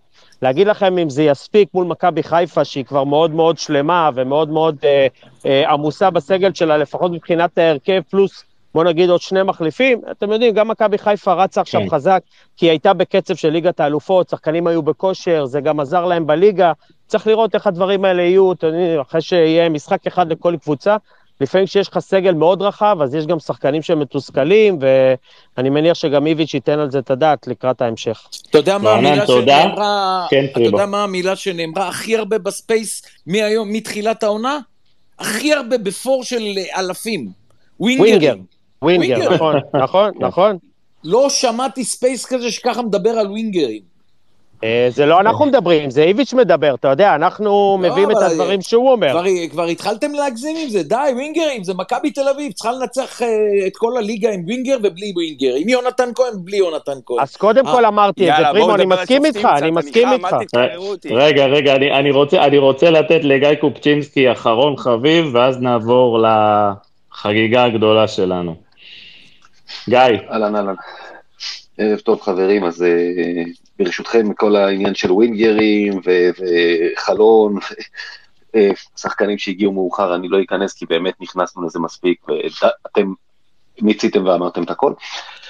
אה, גם נתעסק פחות במערכים ובטקטיקה וקצת אולי בעניין הפסיכולוגי. יש דברים שמחלחלים, אתם יודעים, אני, אני בטוח שזה מחלחל כמו שזה מחלחל אלינו האוהדים, זה מחלחל גם לשחקנים. שרואים את מכבי חיפה, שאיך אומרים, הכל הולך לה, ומוציאה מים מהסלע ומנצחת משחקים גם כשלא מגיע לה או גם כשלא הולך לה, ופה ג'וש כהן עוצר פנדל, ושם בדרבי כדורים, אה, כדור גול פליפר פוגע בשני שחקנים של הפועל חיפה ונכנס. זה מחלחל, ואצלנו אתה מרגיש שלא הולך לך, ואתה מקבל מעשרה שחקנים של נס ציונה, ומגיע משחק כמו היום ומחמיצים ממצבים שלא ברור לך איך מצליחים להחמיץ מהם. אתה רואה את מפלס הלחץ עולה, והשער הזה של יובנוביץ', מעבר לכמה שזה מתוק וכמה שזה עשה צדק, יכול גם להחזיר המון המון ביטחון לקבוצה שלנו, שהנה, גם לה יש את במרכאות המזל הזה של האלופים, שאתה מנצח משחק שכבר הייאוש השתלט עלינו והרגשנו שגם הוא בורח לנו. אה, דבר שני, יובנוביץ', שהיה צריך את זה, קיבלנו היום, זה, זה גול של איך, אה, אתם יודעים, גול של המחסל שאהבנו לקרוא לו.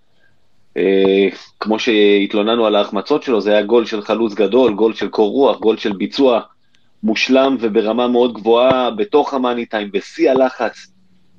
כמו שרענן לדעתי אמר, הרבה יותר קשה מכל ההחמצות שלו בסופו של דבר, או מכל ההחמצות שבכלל היו לנו במשחק. וזה גם מאוד חשוב, יכול לתת לו המון המון ביטחון. אז אה, רגע, באמת, הגול הזה היה שווה את כל ההתקפי לב, את כל הסערות שגם ככה אין לי על הראש, ונשרו גם מה שנשאר במשחק הזה. יכול להוציא. אותנו לפגרה בדיוק במצב רוח המתאים. גיא, אתה יודע, אה, מכבי תל אביב, כפי שאתה יודע, היא לא קבוצה אלופה.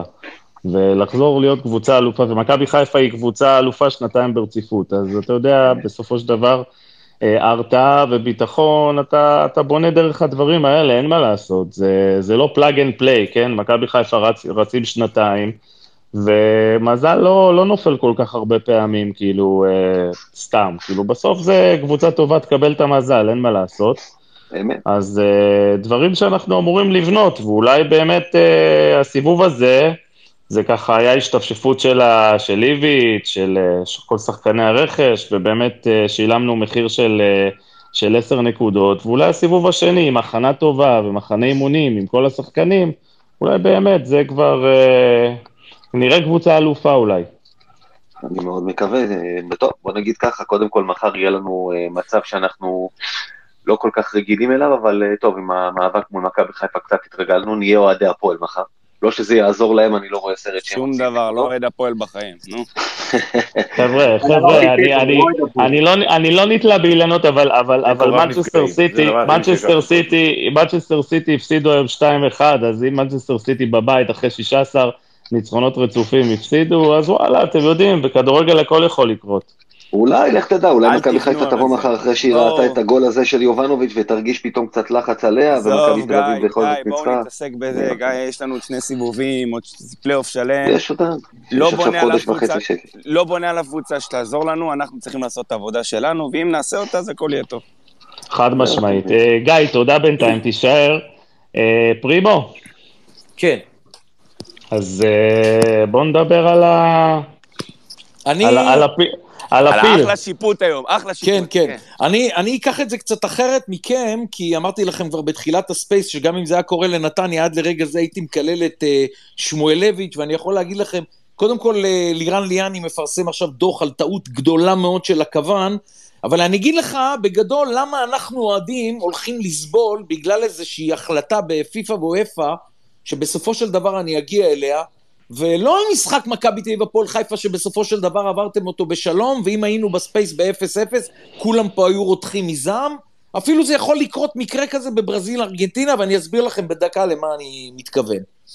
אה, נניח שהיינו לוקחים את, ה, את הנבדל הזה לחברה הכי טובה בעולם, שבדרך טלסקופית הייתה אומרת לנו אם היה נבדל או לא נבדל, על המילימטר של המילימטר של המילימטר. נניח. וזה בכלל לא משנה אם היא הייתה אומרת בסוף אם היה נבדל או לא היה נבדל. מה אני רוצה לומר? אם זה מה שזאת- שאנחנו רוצים, משה, אתה צודק. לא, לא, לא, אז. רגע, רגע, תן לי לסיים, תן, אל תעצור אותי. לא- מה אני אומר? למה הפסילה הזאת חוכמו- חוכמולוגית? כי אנחנו בשר ודם. אנחנו אנשים, אנחנו בשר ודם. אחד רואה יותר טוב, אחד רואה פחות טוב. אין אדם בעולם שהוא בשר ודם, והוא לא רובוט עם עיניים אה, לייזר, שבשנייה שיובנוביץ' נוגח את הכדור לכיוון זהבי, יכול בעשירית השנייה הזאת לראות את כל הראשים ברחבה, את כל הברכיים ברחבה ואת כל הקרסוליים ברחבה. לכן הנפת הדגל הייתה טיפשית, מיותרת וחוכמולוגית. אמת. עכשיו, מה, עכשיו, מכאן אני... טעות איומה של הכוון. עכשיו, למה אני מתקדם? ואני אומר לכם, כאן אנחנו מגיעים לבעיה של כולנו כאוהדים, וזה יכול לקרות לנו שבוע הבא, וזה יכול לקרות במונדיאל. כל הקטע הזה שאנחנו מדברים על עכשיו, עבר לבר. עבר התחיל למתוח את הקווים. ימינה, שמאלה, אדום, כחול, אבל גם עבר, מכל הכיוונים שקיבלתי, עם כל הקווים וכל הזוויות, אין נבדל. אין נבדל, אבל מה? בגלל שעל, שזה על המילימטר של המילימטר, ושמואלביץ' לא חשב שיש כאן טעות גדולה, אם הוא היה רואה את זהבי חצי מטר מאחור, אז כמובן היה אומר לו, טעית, יש גול. בגלל שזה המילימטר של המילימטר, זה קרה מה שקרה להפועל באר שבע.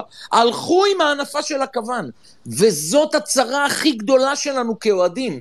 כי תחשבו, אם היה במקום להגיד ללכת עם ההחלטה הראשונה של הכוון, כי זה על הקשקש, הייתה החלטה, החלטה אחרת של פיפ"א וופ"א, ללכת עם ההתקפה. חבר'ה, לא יכול להיות שאם לערן זהבי יש נעל מספר 45, וזה שמגן עליו הוא עם 44 ייפסל הגול. אנחנו לא באנו לכדורגל כזה, אני אוהב את עבר, אבל אני אוהב את עבר שהוא חד משמעי. הכוון הזה הוא חוכמולוג וטיפש, הוא לא יכול היה לראות את כל האלמנטים בנגיחה של יובנוביץ' וזהבי. והטעות הענקית הזאת עם הנפת הדגל, אחרי זה עבר זרם איתו. עכשיו תארו לכם... לא, לא, שמ- לא. זה לא נכון, משה, ואני תכף אסביר את זה. תסיים, אבל זה לא נכון, אני חייב להגיד. סיימתי, סיימתי. אני, חייב לתקן פה, עבר לא הלך עם הכוון, אני, מ, מ, יש אירועים שבבר אי אפשר להיות איתם ב-100% והם הולכים עם החלטה של העוזר או השופט. נכון, אני מסכים איתך ב-100%. במקרה הזה, על אחת כמה וכמה, התמונה שפרסמו עם הקו הא- האדום והכחול, ואני תכף אגע במה סורטט שם או מה סומן שם לא נכון. על פי ה- התמונה הזאת שיצאה מהעבר, הם הצדיקו, גם הצדיקו עם אסמכתה וחותמת גומי בגודל של כל תל אביב שהיה שם נבדל. זאת אומרת, הקווים האלה שהם מתחו אותם לא נכון, בפריים לא נכון, הם בעצם אומרים, הנה הקווה נראים נכון את האופסייד, השחקן היה מה שנקרא אה, 30 סנטים או, או 12, לא יודע כמה סנטים אחורה, אה, ערן זהבי עם הרגל שלו היה התמונה הזאת קדימה. היא לא ברגע המסירה. אז זה מה שאני בא להגיד, מיכאל, תכף אני אנתח בכלל.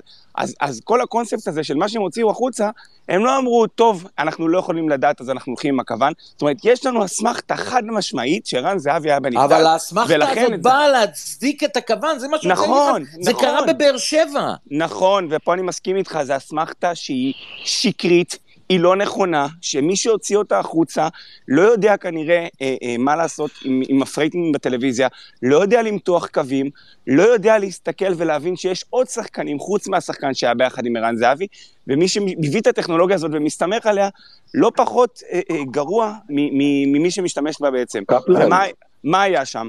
הם קפלן. לקחו frame... מה? כן. לפ- לפני, לפני המתיחה של הקו, תקן אותי אם אני טועה, יש הוראה בעידן של ה VAR, שאם יש לו ספק, הוא לא מרים את הדגל, חד משמעית, כי כן, עבר ולירן יתקן ליאני. כתב על זה, זאת יכולים לכתוב לי ולהקפיץ לי ציוצים בטוויטר עד מחר, ולירן ליאני כמנתח מקצועי, הוא אחת הדמויות שמנתחים מקצועית כדורגל אה, ושיפוט הכי טוב שיש. לירני גם מרצה, לירן מרצה והכל. זה שהתחברתי פחות וצייצתי דברים בטוויטר וכל מיני שטויות ברגע של אה, זה, זה כולנו עושים את זה. אבל בפועל ולירן עושה את זה ומוציא את זה היום, וכל מי שיכל לקרוא את זה בפייסבוק או העליתי את זה בטוויטר, יכול לקרוא ולהבין בדיוק את הסיפור. במצבים שהם, מצבים שהם ספק, שאין 100%, הכוון לא רק שלא צריך, אסור לו להרים את הדגל, ההנחיה היא חד משמעית. ואחרי זה תרים- נבדק בVAR. בדיוק. רק מתי שאתם בטוחים שהיה נבדל, תרימו, וזה בכל מקרה ייבדק בVAR. אתם חייבים להבין, כל שער נבדק בVAR. ולכן אז- אז הכוון היה הטעות פה היא אסור לו. כפולה, גם של ברור, הכוון וגם של חד. משמעית. ואז באים לך בVAR, לוקחים פריים שניים אחרי, כי אומרים, "אמ, אף אחד לא ישים לב, זה גם ככה באיכות של תחת. אבל אני רוצה כביכול להגיד. למיכאל, מיכאל לויט אמר טעות, אה, טעות כפולה. תקשיב, מיכאל, זה לא העניין של הטעות הכפולה. אני אמרתי לך מהרגע השנייה הראשונה. כוון לא יכול היה לראות בשום אופן ופנים את הסיטואציה הזאת. בשום אופן ופנים. אז על מה הוא... וזאת אבל הוא גם הבעיה לא. צריך. וזה העניין, הוא הוא גם לא? צריך. למה, רגע, כמו שאמרו, ההנחיה היא תשאיר את הדגל. למטה. אתם רוצים, להבין. להבין אתם רוצים להבין איך עובד הנושא של הניקוד? אז בואו תבינו. הנושא של הניקוד עובר שאם אם, ה- אם העוזר זיהה אופסייד, הוא צריך להרים. עכשיו, אם עבר יבוא ויסתור אותו, הוא נפסל בניקוד. אם עבר, ואם זה מקרה קשה, עבר בא ומצדיק אותו, אז הוא כביכול מקבל ניקוד יותר גבוה. ובמקרה הזה, אם, אם הוא לא היה, הוא היה מפספס ולא מרים את הדגל, וכביכול היה אופסייד, הוא היה נפגע פעמיים. זה כאילו פגיעה הרבה יותר חמורה כביכול על פי הציונים והכל. אבל אני מתנתק כרגע, אנחנו בשנת 2022, אולי גם האיגוד, ואולי ההתאחדות, ואולי כולם, יתנתקו כרגע מכל הנושא של הביקורות והציונים וכל השטויות האלה, ויבינו שמה שצריך לקרות זה ההחלטה הנכונה. ולא יכול להיות שיקחו את המקרה הזה אחר כך, יושבים החבר'ה עם הג'ינס ועם עם המזגן שלהם ועם הקפה שלהם, ורואים את המשחק, ולוקחים פריים חצי שנייה או חצי מאייה אחרי, ומותחים קווים שם שהם מתעלמים משחקן 15 ו-24 של הפועל חיפה שנמצאים טיפה יותר קרוב לאזור השער, ופשוט אומרים, "אמ, הנה, מתחנו את הקווים, אתם תאכלו את זה כמו שזה, כי ככה קבענו ואתם תאכלו את זה, ויש פה אופסייד. וזה, וזה מקרה אחד, וניקח לכם גול. עכשיו, זה ניקח לכם גול היום, וזה ניקח לכם גול מחר, וזה נחליט החלטות, ההחלטות האלה בסופו של דבר מצטברות. כן, זה מתאזן, לא מתאזן, אבל מה שקרה היום בבלומפיד, עם כל כך הרבה אירועים, אה, אה, גם של השופט עצמו וגם של, של המקרה הזה של עבר שלקחו גול, זה, זה לא יכול לעבור בשקט, זה כבר לא נורמלי. הכמות שמכבי אה, סופגת ואוכלת חרא במקרים האלה מנושא השיפוט, כי היא לא יודע למה, כי אולי באים ובהרגשה, "מ, אין בעיה, זה מכבי, זה עובר, גם ככה אף אחד לא יתלונן, קצת רעש. יש לנו איזה מנכ"ל שיקפוץ על לא, המכבי לא, לא, במקרה שים הצורך ויוציא איזה מכתב. שים לב למה שאמר ריביץ' ברעיון שלו, איך שהוא פתח אותו, עם מה שהוא אמר על שמואלביץ'. הוא אמר את זה בצורה מאוד ברורה, הוא אמר, תשאלו את יואב זיו, ברגע שראיתי ששמואלביץ' בבר, ידעתי שתהיה לנו בעיה עם השופטים. עוד פעם, שמואלביץ' לא בא לאיביץ' ספציפית. יש... תגידו, יש לי שאלה, טל, יש לי שאלה, שאתה מתקבל לאיגוד השופטים, לא שואלים אותך איזה אוהד אתה, של איזה קבוצה? שואל- לא רק ששואלים, אתה צריך להצהיר כל תחילת שנה. שופטי ליגת העל עוברים פוליגרף אחת לשנה בתחילת השנה, וגם כן. נשאלים, אני לא יודע אם בפוליגרף הם נשאלים, אבל יש טופס שהם היו ממלאים לפחות בעבר, אלא אם דברים השתנו, ובטופס הזה הם היו צריכים לכתוב אה, ולהצהיר במידה והם אוהדים קבוצה כלשהי. אבל אה, שוב, יכול להיות ששופט עד בגיל 15 קבוצה מסוימת, והיום הוא כבר לא אף קבוצה. שופט עד בגיל 20, 20 ו-20, 21, יכול להיות שמאז הוא כבר לא אוהד אותה, אבל בסדר. אני לא יודע, אני עוד איתן פעם... שמואלביץ', גל, ככה או ככה. ככה או ככה, טל, ככה או ככה, אתה מכיר את הנסיותו פועלות, אני כן. אומר לך, גם נאל עודה וגם איתן שמואלביץ', ואת הכוון הזה דווקא אני לא מכיר, כן? בסופו של דבר, זה חומר אנושי ירוד, נכון. ואף אחד מקצועית, לא ישכנע אותי אחרת, זה מקצועית, חברים, חברים, מקצועית, אתה גל. שומע אותם מתראיינים, לא יודע, זה חומר אנושי ירוד, טל, אני לא יודע איך הם לא, בחיים, אני לא יודע מה הם. עושים בחיים, בסופו של דבר. אתה רואה, איך הם מתנהלים על כר הדשא, השחצנות שלהם, הדיבור הזה עם השחקנים, כאילו, הוא נוטה- ללויטה לרדת לחדר הלבשה, איפה ראיתם כזה דבר? יש לך בעיה בעדשה? שיבוא מנהל הקבוצה, יביא לך את העדשה ליד ה- ליד השער, שים את העדשה שלך, מה זה השטויות לא, האלה? אבל שוב, מה שאני בא רגע. להגיד, אני, בא- אני בא להגיד שנייה, גיא, ש, ששופט גם אם אהד, וכי אין כמעט שופטים שלא אהדו איזה קבוצה כלשהי אה, בכדורגל בגיל צעיר לפני שהם התחילו לשפוט באזור גיל 16-17. העניין הוא שברגע שאתה נהיה שופט, ובטח כשאתה מגיע לדרגים האלה, עם כל הכבוד לקבוצות והכל, כי אתה לא באיזה סרט של שתולים, הקריירה האישית שלך היא הרבה יותר חשובה מהקבוצות. אבל זה לא כי הוא אוהד קבוצה, שנייה. אל תיקחו את זה לשם, אין מצב שזה אתם- בגלל אתם שהוא אוהד מנתקים. קבוצה. הוא גם אם הוא עד קבוצה לפני 20 שנה, כש-20 שנה במקצוע הוא כבר מנותק מזה לחלוטין. לא, לא, הוא לא, הוא לא אוהד. שום קבוצה, הוא פשוט, הוא פ- הוא פשוט, הוא פשוט הוא חלש. הוא. פשוט חלש, חלש, נכון, הוא פשוט, נכון. הוא פשוט בן אדם ברמה נמוכה, זה הוא הכל, אפילו הוא לא שופט. הוא הוא אדם ברמה. נמוכה. הוא גם רצה חלש. באיביץ' על שבוע שעבר. אני, אז זהו, אני, אני בא, באתי להגיד את זה, מיכאל, אני לא חושב שהוא בא לנקום, אני, אני, לנקום, אני רק אומר משהו כזה. קחו שחקן במכבי תל אביב שהוא לא טוב. והוא לא טוב מחזור אחד, והוא לא טוב מחזור השני, והוא לא טוב במחזור השלישי, וכל הזמן יש מישהו מהצד שאומר לו, חבר'ה, אתם לא מבינים כלום, הוא טוב. זה, והוא טוב, הוא ימשיך להיות טוב, וזה בדיוק מה שקורה שם. עכשיו, ואף אחד לא. ישכנע אותי, טל, אף אחד לא ישכנע אותי, זה דברים שקורים לנו ביום-יום, זה לא צריך לראות בכדורגל.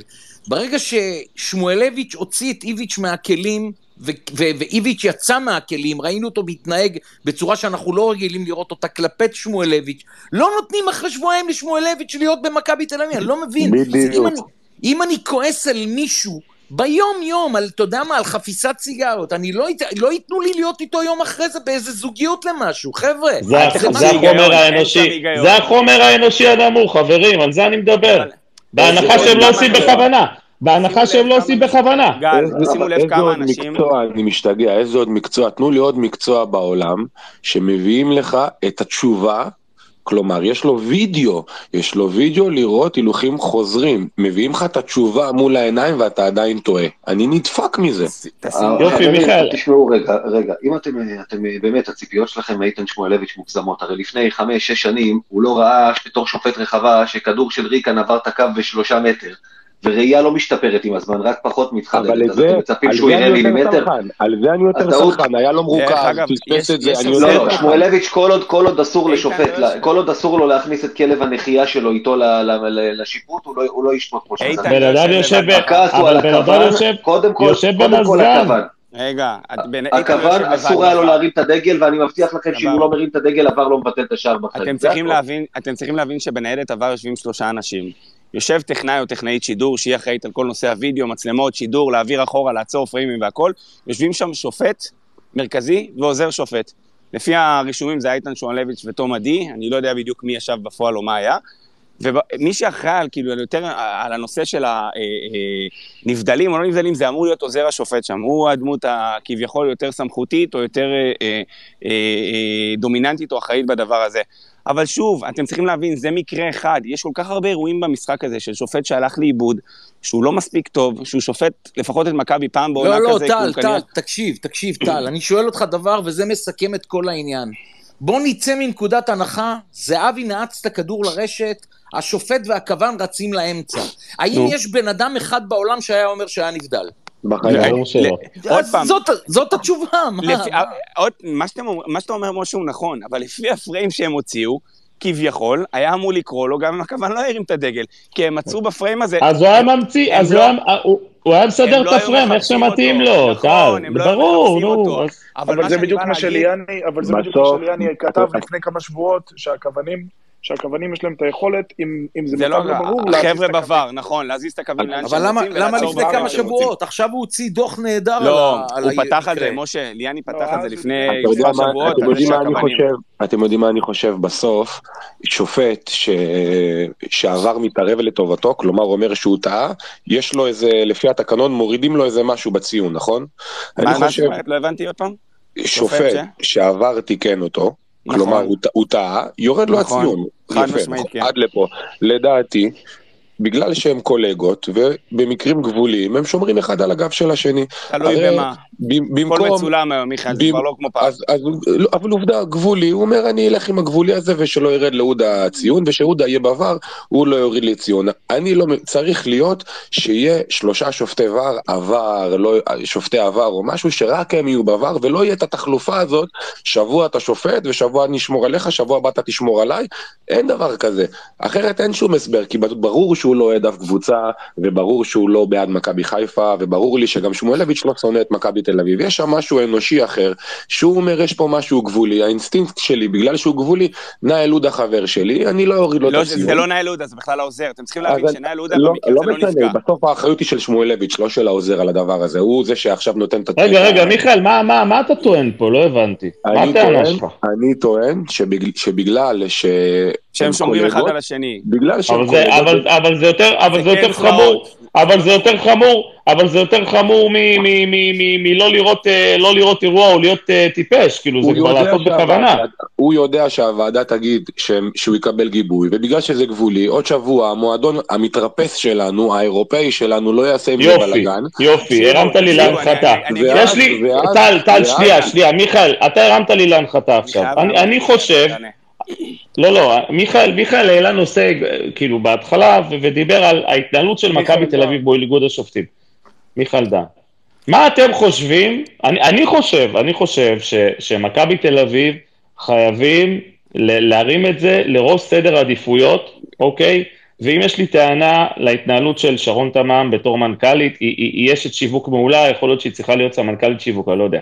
צריך להיות פה, חברים, אנשים חזקים, שבאים. וכמו שמיכאל אמר, נותנים? בראש, ולא, מי מר... צריך? זה לא מעניין אותי, אני לא, לא לא, מיץ'. גולדהר, אני לא מנהל את מכבי. תל אביב, אוקיי? יש מספיק אנשים שצריכים להתכנס, אוקיי? ולכנס איזו ישיבה במכבי תל אביב, ולהחליט על אסטרטגיה, מה עושים, כי ככה אי אפשר להמשיך, טל, אנחנו יכולים להפסיד אליפות על הדברים האלה. מסכים איתך במאה אחוז, אני רוצה לענות רגע למה שמיכאל אמר, ואז אני גם אגיד מה שאתה אמרת, ולא סיימנו בכלל עם השיפוט היום. הדבר הראשון לגבי מיכאל, איגוד, השופטים זה כן צרעות, אתם לא מבינים בכלל מה הולך בין שופטים כאלה ואחרים. אחד השופטים הבכירים ביותר בישראל, יש אה, שופטים שלא רוצים לצאת איתו, לא, רוצים, לא יכולים לראות אותו, וכנ"ל הוא לאחריהם. יש כינויים לחלק מהשופטים האלה, ואתם לא רוצים לדעת מה הכינויים, ובארבע עיניים או בצינורות אני אשלח לכם.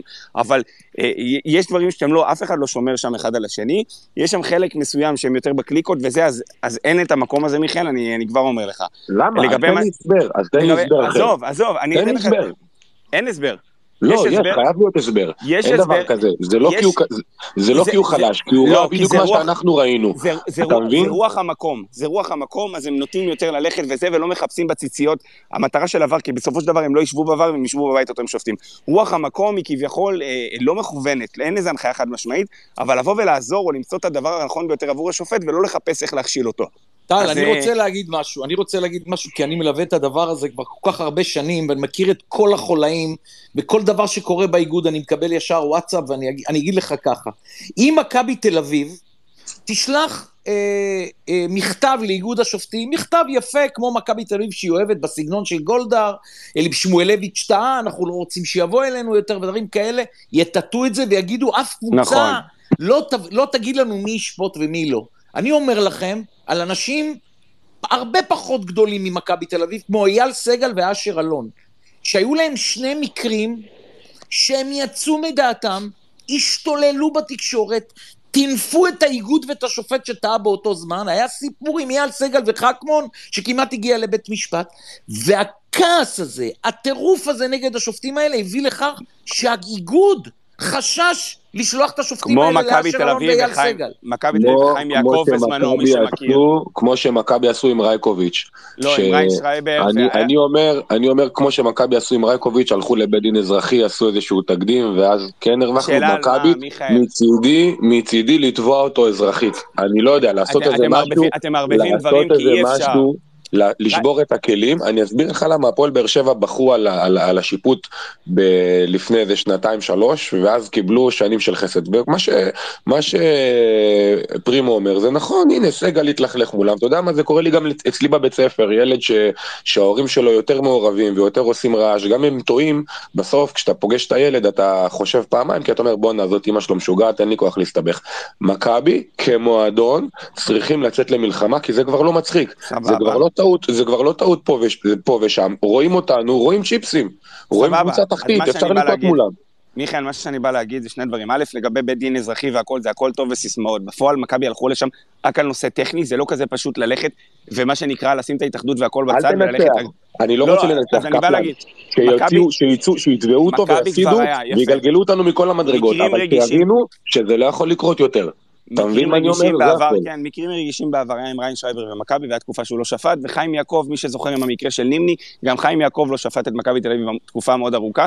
לחבר'ה ב- היותר מבוגרים פה שאולי זוכרים את המקרה עם- עם ההכשלה גם- גם בבלומפילד. ריין ו- ופואד. אבל- לא כן, שפט. אבל אבל אתה- אתה שאלת שאלה, אתה שאלת-.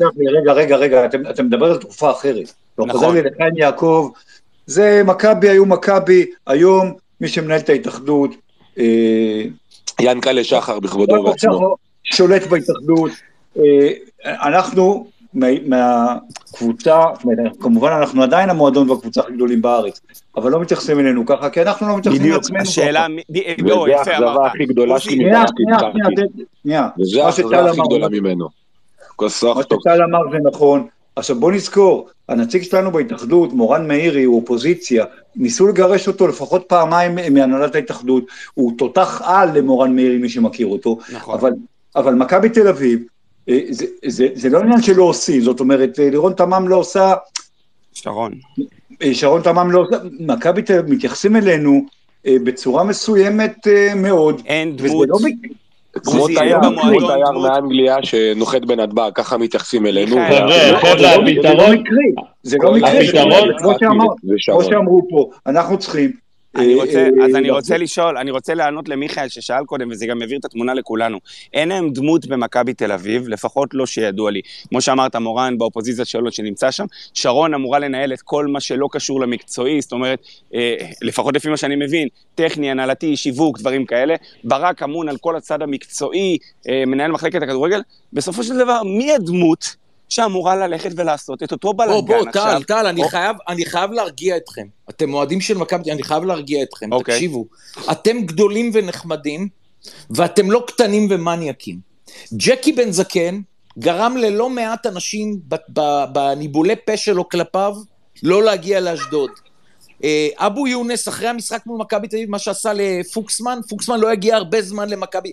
אין ולא מה יהיה... משותף לכולם, משה? רגע, אבל לי לא סגל, יהיה לכם, לא יהיה לכם אבו יונס וג'קי בן יפה. זקן שיעשה את הדבר הזה, זה לא אלה מתאים, כולם בעלים, זה לא מתאים בדיוק, לגולדה. אלה כולם בעלים, בדיוק, אלה כולם בעלים שמתלכלכים. הפתרון. הפתרון, הפתרון פתרון. שמיץ' פתרון. יבוא לפה, יבוא לפה, יקנה את שופרסל, יקנה את אל על, יקנה עוד איזה חברת תיירות, וזהו, ויישאר אבל- בארץ, אבל ואז לא, תראה, אבל ואז בכוונה- תראה איך כולם מתיישרים לפי מיץ' אבל זה גולדהר. לא מיץ' גולדהר צריך, מיץ' גולדהר, אחת הסיבות אני מאמין שהוא העדיף בחור ישראלי כמנהל מקצועי של מכבי תל אביב, כי הוא יודע שלישראלים יש קליקות ויש דברים שרק מנהל מקצועי מה ישראלי?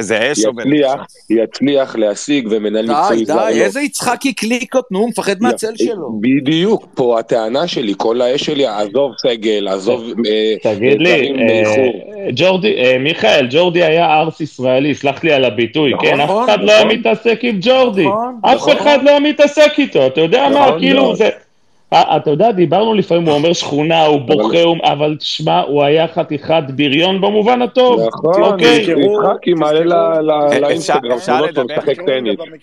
בטח שותה קפה תה עם חלב האבל הזה. תקשיבו, תזכ- תיזכרו במקרה של זהבי, שהוא יורד לחדר הלבשה עם פואד, והעיתונאי בא לדחוף לזהבי אה, מיקרופון לפה, אה, עוד רגע הוא קיבל פצצה שם. כן. ואומר לו, you don't have, you, you have zero respect to ערן זהבי. הוא מדבר על ערן זהבי כאילו הוא היה חצי האלוהים. עכשיו, ג'ורדי, הוא, הוא הבין את הסיטואציה, הוא הבין את הסיטואציה, באיזה סיטואציה מכבי נמצאת ומה הוא הולך לעשות מזה. וזה דברים שברק יצחקי לא יעשה בעוד 100 שנה, כי הוא לא הבן אדם. ג'ורדי בא מבית של כדורגל ברמה הכי, הכי גבוהה שיש, ברמה אני העולמית. רוצה הוא- להגיד לך משהו, מיכאל. מיכאל, תקשיב. יש כאן גם את המשחקים, את העניין של יום-יום, ואני אתן לך דוגמה, ביום-יום, לא עכשיו שאתם עצבנים על שמואלביץ', אני לוקח את שתי הקבוצות הכי גדולות בישראל, מכבי תל אביב ומכבי חיפה. ביום-יום. לא על פעם ב- שאתה עצבני על השופט ואתה אומר, שמכבי חיפה נשרק נגדה פאול, ספסל שלם צועק על השופט הרביעי ועל הכוון, ושלושה ארבעה שחקנים של מכבי תל אביב, מכבי חיפה מתנפלים עליו. כן, אבל פרימו זה טוב. רגע? שנייה, שנייה, מה שאני רוצה לומר, למה מכבי תל אביב היא שונה? אין דבר כזה, מה, הם הרי מלחיצים אותו מהדקה הראשונה על הפאול הראשון, הוא כבר משתגע, קשה לו לשרוק נגד מכבי חיפה, ואני מדבר איתך על זה משחק-משחק. מכבי תל אביב היא סגנון אחר, אין חמישה שחקנים שצועקים על השופט, אין ספסל שלם שקם, אלא רק יואב זיו פעם בכמה זמן. זאת אומרת, ה- הבעיה שלכם היא לא פעם בלבוא לצעוק כמו אבו יונס על הקווה, ברור. על השופט ככה, במשחק עצמו אפילו אתם אה, אבל דרדלים. פרימו, אני לא דווקא רוצה, לא שאיביץ', אני לא רוצה שהספסל. של מכבי, שנייה רגע, אבל אני לא כן, רוצה... אחד אחד, אחד אחד, חברים. אני לא רוצה שהספסל של מכבי יהיה שכונה. זה שחיפה עושים ככה וזה שכונה והשחקנים שכונה, אני לא בעד. אני בעד שרק הקפטן שלנו ילך וידבר ויצעק, או איזה שחקן אה, מנהיג אחר ותיק, ואני לא רוצה שהעוזרים של איביץ' יפרצו למשחק כמו איזה גיא צרפתי, אחרון הפוחזים בשכונה. יש למועדון הזה, ואיביץ' אמר את זה בריאיון בצורה מושלמת, לא אני אמור לנהל את המלחמה הזאת. יש מועדון, והוא צריך לנהל את המלחמה הזאת, ויצחקי חייב פה לעשות סקנדל. חבר'ה, חבר'ה, אתם זוכרים רגע, שנייה, קודם כל איך שמכבי חיפה מת, מתנהלת, כן, בואו בוא נודה על האמת, זה, זה התורה של אה, ברק בכר, ככה הוא עשה בהפועל באר שבע. מכבי חיפה בימי מרקו בלבול הייתה יותר דומה אולי למכבי תל אביב של היום, כן, אז זה, זה נטו ברק בכר. ועוד משהו חשוב, אתם שמעתם מה ינקלה שחר אמר ב... אה, מה, מה זה. היה שם? ב... לא, לא, ב... אז מה? כן, כן, כן, הכבוד, הכבוד, הכבוד, אתה מבין? הוא כאילו, מצפה משופטים לתת ינקלה שחר, כן. מ- כן, אתה מבין, ינקלה שחר, בכבודו ובעצמו, ב, ב, מה זה, הכנס של המינהלת, בשתה, מה, מה, מה זה היה שם? איזה שחקן העונה, בחירת, אה, בחירת משהו? בא ואמר, חבר'ה, אני מצפה שהשופטים ייתנו כבוד יותר למכבי חיפה. וואו, אתם מבינים, וואו, כאילו? וואו, אתה לא יודע מה זה עשה בכדורגל. אז- לא, פרימו, אתה מבין כמה מכבי חיפה נותנים דגש על הדבר הזה? כמה מכבי חיפה נותנים דגש.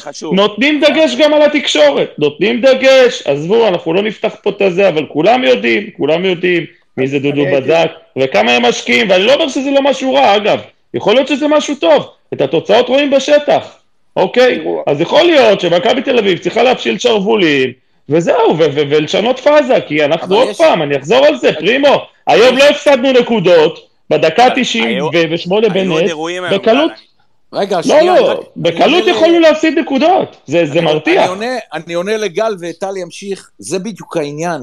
אתם לא מבינים את המשמעות שיעקב שחר נעמד, נעמד באיזה כנס של ההתאחדות, של המינהלת, באיזה משתה, כמו שאתה קורא לו, ואומר את המשפט, אנחנו ניתן את הכבוד לשופטים, שהם ייתנו לנו. ביום שגולדהר יגיד דבר כזה, אין כדורגל בישראל. זה לא גולדהר. אין, לא יהיה מישהו במכבי תל אביב שידבר כמו ינקלה שחר ככה לשופטים.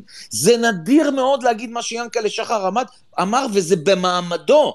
זה לא, תשמע, עם כל הכבוד, לא סגל אמר את זה, ולא ג'קי אמר את זה, ולא איזי שירצקי, כי באמת אלה קבוצות שלוקחים אותם צ'יפס. שיענקלה שחר עם שתי אליפויות אומר את זה, אנחנו ניתן כבוד לשופטים שהם ייתנו לנו, אני לא רואה בן אדם אחד במכבי תל אביב שמסוגל להגיד משפט כזה. לא, זה לא, זה לא הסטייל שלנו ולא זה, לטוב ולרע, שוב, מה שכיוונו. זה שיהיה ברור, כל-. כל ההתנהלות הזאת היא לא באג, זה feature, במקום שתגיד... זה לגמרי feature. פרימו, במקום שתגיד כמה זה חמור שיענקלה שחר אומר את הדבר הזה, אתה אומר? לכם לא, אין הוא בן אדם מתכוון כזה. לזה שזה חמור, עוזי. מה זאת לא, אומרת? אבל הוא לא? אומר את לא- זה.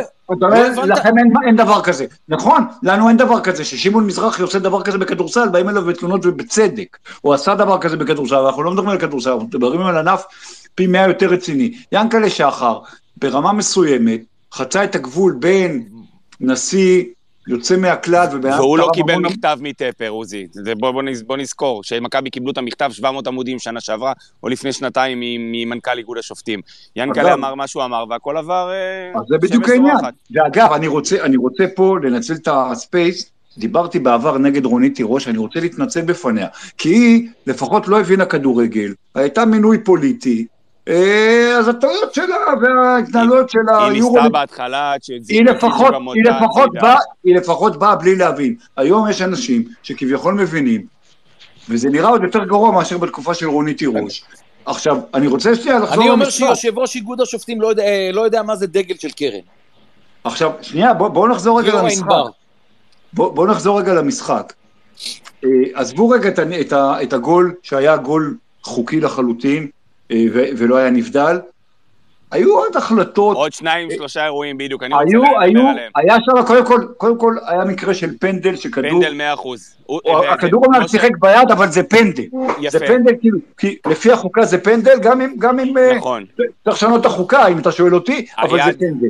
היה תפס, היא נמצאת. במקום לא טבעי, זה שהכדור קפץ מהרצפה, זה לא שהכדור בדיוק, קופץ לא, לא, אין- ליד אין שהיא ויכוח, במקום טבעי. אין ויכוח, אני... יש אין- קפיצות שהן טבעיות ונכונות, זה לא המקרה שמתאר בדיוק, את אין, הקפיצה. אין ויכוח אה, שלפי החוקה, שוב, אם אני הייתי אמון על החוקה הייתי משנה, כי זה לא משהו שהיה צריך, מביא, היה מביא לגול, אבל לפי החוקה הגיע לנו פנדל שלא קיבלנו, היו שם עוד כל מיני בוא, מקרים. סרדל, סרדל עושה עבירה, תופס באמצע המגרש. אה, כן, וגם- מנהל עודה מחליט לא להוציא צהוב שני, מן הסתם שהוא לא יחזור. אתם צריכים להבין, ברגע שיש צהוב שני, השופט לא ייתן יתרון. אה, למה הוא לא ייתן יתרון? כי במידה והוא ייתן יתרון, ואותו שחקן שאמור לקבל את הצהוב שני האדום, נגיד פתאום אה, יעשה עבירה נוספת, או פתאום הוא יציר גול, אז יש פה משהו לא, לא תקני. אז פה אני מאשים, פה אני מאשים את יובנוביץ', כי אם זה היה אוויריקן, אוויריקן היה יודע שיש לו צהוב, היה נופל, זה- זה הכל. כל- ויובנוביץ' זה לא פעם ראשונה, לא פעם ראשונה ו- ולא פעם שנייה, שיובנוביץ' לא נופל, אם זה ברחבה, נכון, ואם זה בעבירות של אה, עדיין- צהוב שני. ועדיין אנחנו לא צריכים לבוא ולקפוץ ולהתחזות, או, או לעזור, מה שנקרא, לשופט. אגב, לא היה גם, ככה, היה, לא היה עוד דבר, אותך, היה, טל. היה קטע אני לא- ששחקן הפועל חיפה אה, נשכב על הדשא, לא יודע, לא זוכר מי זה היה, ואז פתאום נשכב עוד אחד, כן. ואז השני, בדיוק. שתי דקות לפני זה לוקאס אה, נשכב ולא שרקו, אה, לא שרקו, לא עצר את המשחק, כי לא נראה לו... השיפוט, חבר'ה, אני לא אני יעזור. כבר אם לא מדבר על שמואלביץ', עכשיו שמואלביץ', אה, יכול להיות שזה לא משנה מי שופט עד בגיל 20, או בגיל 25, או בגיל 12, אה, אנחנו כולנו אוהדי כדורגל וכולנו יודעים שגם לפעמים חשוב מי אתה שונא, לא מי אתה אוהד. אה, לא יכול להיות ששמואלביץ' שופט את מכבי תל אביב, כמו שפרימו אמר, שבועיים אחרי מה שהיה, אחרי ההרחקה, יושב בVAR, ועובדה, ומכבי תל אביב, אם אנחנו לא נהפוך שולחנות, אז אנחנו נמשיך לקבל את מה שאנחנו מקבלים בשנתיים האחרונות. עוזי, עוזי, אני רוצה להגיב פה לנושא הזה של אסור לאיביץ' ולצוות שלו להתלכלך ולקפוץ על השופטים. חבר'ה, ברק בכר במבחן ההיסטוריה לקח פה חמש אליפויות, כשבכל עונה, בכל עונה הוא לקח נקודות מסוימות והביא ניצחונות מסוימים אחרי שהוא הפעיל לחץ מסיבי מאוד עם הצוות שלו, וזה חלק מתוכנית המשחק שלהם. זה חלק מתוכנית המשחק שלהם בכל משחק, כבר דקה שלושים, הם קופצים על כל המי והמה, והשופטים, הם כבר מדקה שלושים, עם ההרתעה, הם מבינים שלא הולך להיות להם קל, אז איפה שיש סימן שאלה, אז מה שנקרא, חבר'ה, הם מקבלים הרבה כן, נקודות לא על אמרנו הדברים האלה. שאסור, אמרנו שזה לא הסטייל שלנו, אף אחד לא אמר אין, שזה אין אסור. דבר כזה יותר הסטייל, אין דבר כזה יותר. כל מה שחוקי מבורך. כל מה. שחוקי מבורך. אני איתך, אני לא נגדך, אני מבין אותך. אני אומר, צריך לעשות כל מה שיעזור לך בצורה חוקית לקחת נקודות. אין לי בעיה אם זה להפעיל לחץ בכל דרך שהיא, אם זה אנשי מקצוע מחוץ לקווים, ואם זה חבר'ה שנמצאים בפנים. מה שבאו להגיד פה, ואני כאילו מבין מאיפה, במכבי תל אביב החדשה נקרא לזה ככה. נכון. בבאר שבע איביץ', עד שהוא פתאום אמר משהו לשופט, ומה הוא אמר לו בסך הכל? למה אתה נותן צהוב לא, כי לשחקן הוא שני נכנס ולא שחקן? למגרש. הוא אז. בסדר, אז גם ברק בכר נכנס. עד שהוא הוציא מילה מהפה שלו, הוא כבר קיבל אדום, אתה מבין? ברק בכר, בליגה קצת יותר בכירה, מקבל אדום כל שלושה משחקים, הוא או הצוות שלו, וזה לא קורה אף פעם. יותר קל להיטפל לזרים מאשר להיטפל לישראלים, זה אין מה לעשות, זה... טל, מה- טל, אתה יכול להסביר מה קרה שם עם ה- עם ה... אה, ויורד להחליף עדשות בחדר כן, הלבשה? דרך וגם- אגב, דרך אגב, עוד פעם, אני ראיתי את המשחק מהיציע, לא ראיתי את המשחק בבית, עוד לא ראיתי תקצירים, לא כלום. לפי מה ששלחו לי, הוא ביקש לרדת להחליף עדשה, ולפי מה שהבנתי גם, השופט אישר לו. עוד פעם, אם יש מישהו שראה את זה בבית, יכול לתקן, לאשר, אה, לסתור אני בכיף. בשנייה הראשונה ששאלו אותו מה זה צריך להיות, ראיתי אותו בשפתיים אומר עדשה עדשה, את אה, נאיל עודה. אם זה חוקי או לא חוקי, אני לא יודע. יש- מקרים ששוער-. מה זה הדבר הזה שאיש צוות ילך להביא לו את העדשה ויביא לו את זה עד אי לחמש? אפשר, אי אפשר, יש מקרים שאי אפשר אה, זה, ויש שחקנים כמו שוער שאי אפשר לחדש בלעדיהם את המשחק. אה, שוב, האם זה תקני, האם זה משהו שקורה ביום-יום, משהו שגרתי? לא, זה משהו לא שגרתי. אה, אוסיף, תראו, בסופו טל, רגע, פיזיותרפיסט שנכנס למגרש. לטפל בשחקן, אוקיי? זה מותר, אבל איש צוות שייכנס להביא לו עדשות וילך שנייה לחדר הלבשה, זה בלתי אפשרי? אני לא, אני לא שם, אין לי עדשות ואני לא חובש משקפיים, אבל אני מניח שמי שכן שם מבין שיש לזה רגישות מסוימת, צריכים ידיים נקיות, צריך לעשות את זה מול מראה, אני זוכר כן, ממי שאני מכיר לכולם, שכן שם אבל- את זה. ברור זה לכולם לא- שהוא לא החליף עדשה, כן? זה היה מהר? מדי בשביל להחליף עדשה, ברור לכם שהוא לא החליף עדשה. בקיצר, כל בלומפילד חשב שהוא הולך לשירותים. אנחנו עד, יש מצב שעד עכשיו הוא כן הלך לשירותים, ואנחנו רק מתרצים את זה. לא, הוא יצא אחרי שנייה, הוא יצא אחרי שנייה. אני, אני רוצה רגע, אני רוצה רגע להגיד משהו. כי שלא יהיה לכם טעויות אבל, אני חושב ש- אני חושב שההפסקה הזאת של לויטה רק אה, הוסיפה עזרה ל- למכבי. רק עזרה למכבי תל אביב, כי אם אתה עולה ל- לתוספת זמן של 4-5 דקות, אתה מתחיל אותה לחוץ, כן, זה- זה וכשיש לך פדיגה תוספת. של 8-9 דקות, אתה הרבה יותר אה, במרכאות רגוע ואומר לעצמך, ועדיין הגול "אוקיי, בדקה האחרונה של התוספת. לא, בסדר, בסדר, אני רק אומר בדיעבד, אתם יודעים, זה הרבה כן, ברור, זה. כמובן, אני- אני רוצה- וזה גם מה שנאיל עודה אמר לספסל של מכבי תל אביב, אגב, שהוא אישר ל- לויטה לרדת אה, להחליף עדשה. זה היה הדיבור שם ליד בנקודה- הספסלים. לא יודע אם זה חוקי או לא. אבל זה מה שהיה. אני רוצה רגע לגעת בנקודה שאמרתם שמכבי אה, לא מגיבה לשופטים ולא זה. תראו, אני הייתי לפני, אני חושב שעברו כבר כמעט עשר שנים, אולי קצת פחות, בפגישה עם אה, חלק מהאנשים שהם עד היום במכבי תל אביב, זה היה אחרי תקופת גולדה, אה, במשהו שבכלל לא היה קשור לאיגוד השופטים. אבל המסר שנאמר ב- בשיחה הזאת, אחרי תקופת גולדה? שם, זה כאילו, אחרי שגולדהר קנה את מכבי. אה, אוקיי, הבנתי. ושאלו שם אנשים בתוך הפגישה למה מכבי לא פעילה יותר אה, מול ההתאחדות, ולמה היא לא מגיבה, ולמה היא לא מגיבה גם מול השופטים. והתשובה שנאמרה, בזמנו לפחות הייתה, שמכבי תל אביב שומרת את התגובות שלה למקרים הבאמת קיצוניים. זאת אומרת, היא לא רוצה להגיב ביום-יום בכל תגובה, כי היא מגיעה מתוך מקום שהיא מאמינה שבסוף, אם אתה מגיב כל פעם, אז לא לוקחים אותך ברצינות, ואתה צריך להגיב רק בפעמים הנכונות. אה, ולא, ולא בכל דבר. עכשיו, עבר גם הרבה זמן, אז אני לא יכול לצטט מילה במילה, ובגלל זה אני גם מעדיף לא להגיד ממי זה נאמר. אבל זה פחות או יותר היה הלך הרוח של הדברים, וזה גם מה שאני יצאתי איתו מהפגישה. עכשיו, נכון לאותה נקודת זמן, הדברים היו מאוד נכונים. אני חושב שזאת גם הגישה היום של מכבי תל אביב באה איתה. זאת אומרת, מכבי תל אביב אומרת, תראה, אם אנחנו עכשיו נבוא בכל משחק ונתחיל להתבכיין על, על טעויות שיפוט, אז בסוף אף אחד לא ייקח אותנו ברצינות, זה יהיה סוג של זאב זאב. אז אנחנו צריכים לקחת את הפעמים הבאמת שבהם יש את הטעויות הקריטיות, ואז, ואז להגיב לפיהם. עכשיו, יש פה שתי בעיות באמירה הזאת. אחד, יש פה שבוע אחרי שבוע טעויות קריטיות שיכולות לעלות בנקודות, ואנחנו רואים את זה. ומצד שני, גם אם מכבי תל אביב באמת תבוא בגישה הזאת, שהיא גישה יותר ג'נטלמנית, והיא לא גישה, אפשר לקרוא לזה קצת שכונתית, שאתה מכל דבר עושה, עושה צימס, אז בסוף אתה מבין שזה לא עוזר לך. זאת אומרת, הגישה הזאת באופן כללי, לפחות עם איגוד השופטים, כמו שהוא מתנהל כרגע, היא לא נכונה. אז יכול להיות שאולי מכבי תל אביב צריכה להביא מנהל משברים שיעזור לו לפתור את הסיפור הזה, יכול להיות שהיא צריכה לקחת אסטרטגיה אחרת, אני לא יודע. אבל עובדתית כרגע, כמו שמכבי תל אביב מתנהלת מול איגוד השופטים, היא, היא תצא כל פעם חבולה ומסכנה, והיא תצטרך לה, להסתדר אך ורק בכוחות עצמה. אולי לשם היא מכוונת. דרך אגב- אם אנחנו נהיה מספיק רגע, טובים, שנייה, אם אנחנו אני נהיה חייב מספיק טובים משהו. מקצועית, רגע, שנייה, אני אסיים. אם אנחנו נהיה מספיק טובים מקצועית, אז לא משנה מה הם יעשו, אנחנו בסוף ננצח. הבעיה שב-90 דקות אתה רואה שזה לא באמת נכון. גם אם כל מה שאמרת נכון, אני לא יודע, אני לא נכנס לפרטים.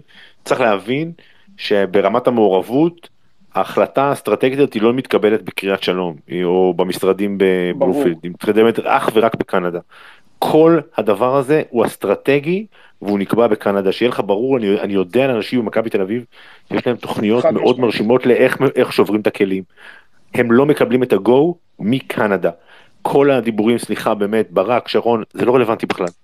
זה לא, הם לא עושים דברים לא בגלל שהם לא עושים דברים, אולי גם בגלל שהם לא עושים דברים, אבל זאת לא הסיבה המרכזית. רגע, קמר, אני רוצה רק להגיד משהו. לך שטל הזכיר את זה לפני איזה עשר דקות, שפעם אחת באמת מכבי תל אביב כעסה והוציאה מכתב חריף לאיגוד השופטים.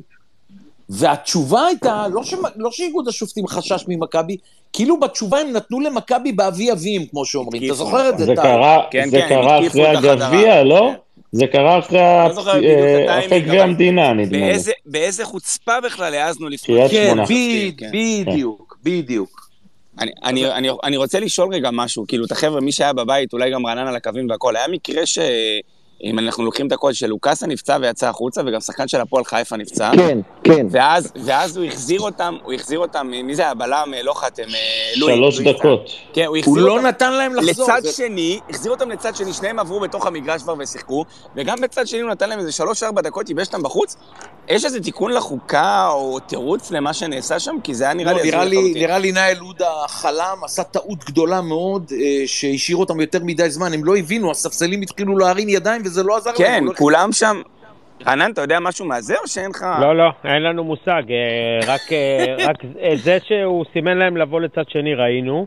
אה, אבל- ואז השופט הרביעי, אתה יודע, כאילו, מבחינת מכבי תל אביב לא הייתה הבעיה, כי ההתקפות מה, מבחינתנו היה בסדר גמור, נכון? לא, אני אומר, מבחינת מכבי תל אביב הבעיה הייתה פחות אה, אקוטית נקרא לזה ככה, כי ההתקפות היו לכיוון הפועל חיפה, אבל אנחנו לא הצלחנו להבין, אה, לא השדרי קווים, גם לא נטע לוינסון שהייתה בצד השני, וגם לא ה, מה שנקרא ה floor manager, איש שעובד אה, ליד השופט הרביעי, לא הצלחנו להבין מה היה העיכוב שם, אה, לא יודע, יכול להיות שהוא לא רצה להכניס אותו באמצע התקפה, או יותר בגלל מדי שהמשחק דברים רץ, או... מוזרים, יותר מדי חבר'ה, הם דברים נכנסו, מוזרים. כן. עד, אז הם נכנסו גם, היה, קטע שהשחקן הפועל חיפה נכנס בצד השני, כאילו, עד, לפני. האירוע הזה, כאילו, הוא קודם כל עשה אה, להם הקפת אני התבור מכיר- ואמר להם להקיף את כל המגרש לכיוון אה, אני- נקודת. החילופים. אה, אני- שזה, אני אני לא מכיר יודע, הנחיה ראיתי לא כבר... להיכנס מקווי רוחב. כאילו, מקווי אורך אפשר להיכנס, אני לא מכיר את ההנחיה לזה. דרך אגב, רק לא. שתדעו, ו- ונאיל עודה התעצבן שם בסוף, כי תמיר קלזר ועוד שחקן של הפועל חיפה לא הסכימו לצאת, אין שום שוני בחילופים. זה שאתם רואים שחקנים יוצאים בטקס מסוים, מהקרן עד לאמצע המגרש, ההנחיה היא עדיין חד משמעית ומאוד ברורה. שחקן שאמור לצאת בחילוף, אמור לצאת מהנקודה הכי קרובה ליציאת המגרש. זה שעדיין רואים את הטקסים האלה, והיום שופט היה צריך להילחם עם שחקנים ולא להציב אותם או להרחיק אותם, טוב. זה הזוי מבחינתי. אבל, תמיר, אה, תמיר תמיר גלאזר צריך להתבייש,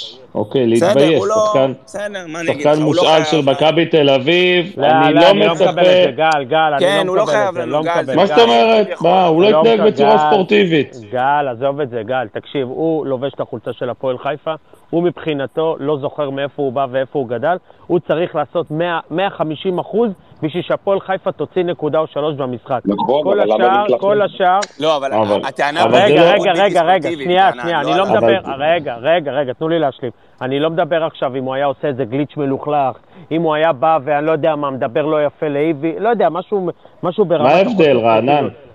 לא, כשבן אדם מושך זמן ולא יוצא בחילוף, כשהקבוצה שלו אה, רוצה להוציא תיקו בבלומפילד, אמרתי לכם כבר פעם אחת, מכבי תל אביב צריכה לנצח קבוצות, ובלי שהיא תכעס אחרי זה על בזבוזי זמן.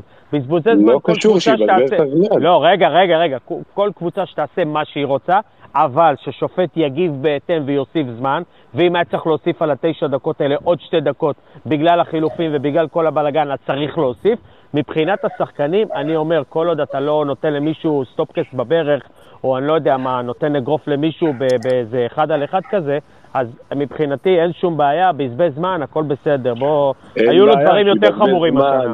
אין בעיה, שיתבזבז זמן, שיתחזה, הכל בסדר, שיעשה מה שהוא רוצה. הזמינו אותו לחילוף, שיצא במקום שלו, למה מתן חוזר? בסדר, אז אה, צריך לדחוף אותו, זה לא רצה בסדר. הוא עוד שחקן 20 של. מכבי. אז עזוב, אז עוד עזוב, פעם, זה- זה זה זה לי-. להגיע למצב, אני לא חלילה מזלזל במה שאתה אומר, אני לא. מזלזל במה שאתה אומר. אחי, אני לא להגיע מזלזל למצב במה שאתה אומר. ש- שמתן חוזר דוחף אותך, מה אתה מסתלבט, אתה מקבל מאיתנו כסף. לא, ראינו דברים ראינו דברים, דווקא אם- דווקא אם היה עושה דברים, אתה יודע, ופתאום היה רץ בספרינט החוצה, אז היו אומרים, מה, בגלל שהוא שחקן של מכבי אז הוא צריך לצאת בספרינט? עזוב, כל אחד שיעשה מה שהוא צריך, מכבי צריכה לעשות את מה שהיא צריכה, וזה אומר להפקיע שערים, ולא משנה מה, כמה מושכים זמן מולה וכמה מבזבזים זמן מולה, ואמרתי את זה במקרים יותר גרועים, כמו שסכנין שנה שעברה ועוד כל מיני מקרים. עזוב, בסופו של דבר מכבי תל צריכה לדאוג לעצמה בעניין הזה. אני, אני פחות אה, מתחבר לדברים האלה כלפי גלאזר הפעם. בואו נשמע, חברים, בואו נשמע את שקד, כמה נקודות מקצועיות, נראה לי שהם הצינו את נושא השיפוט.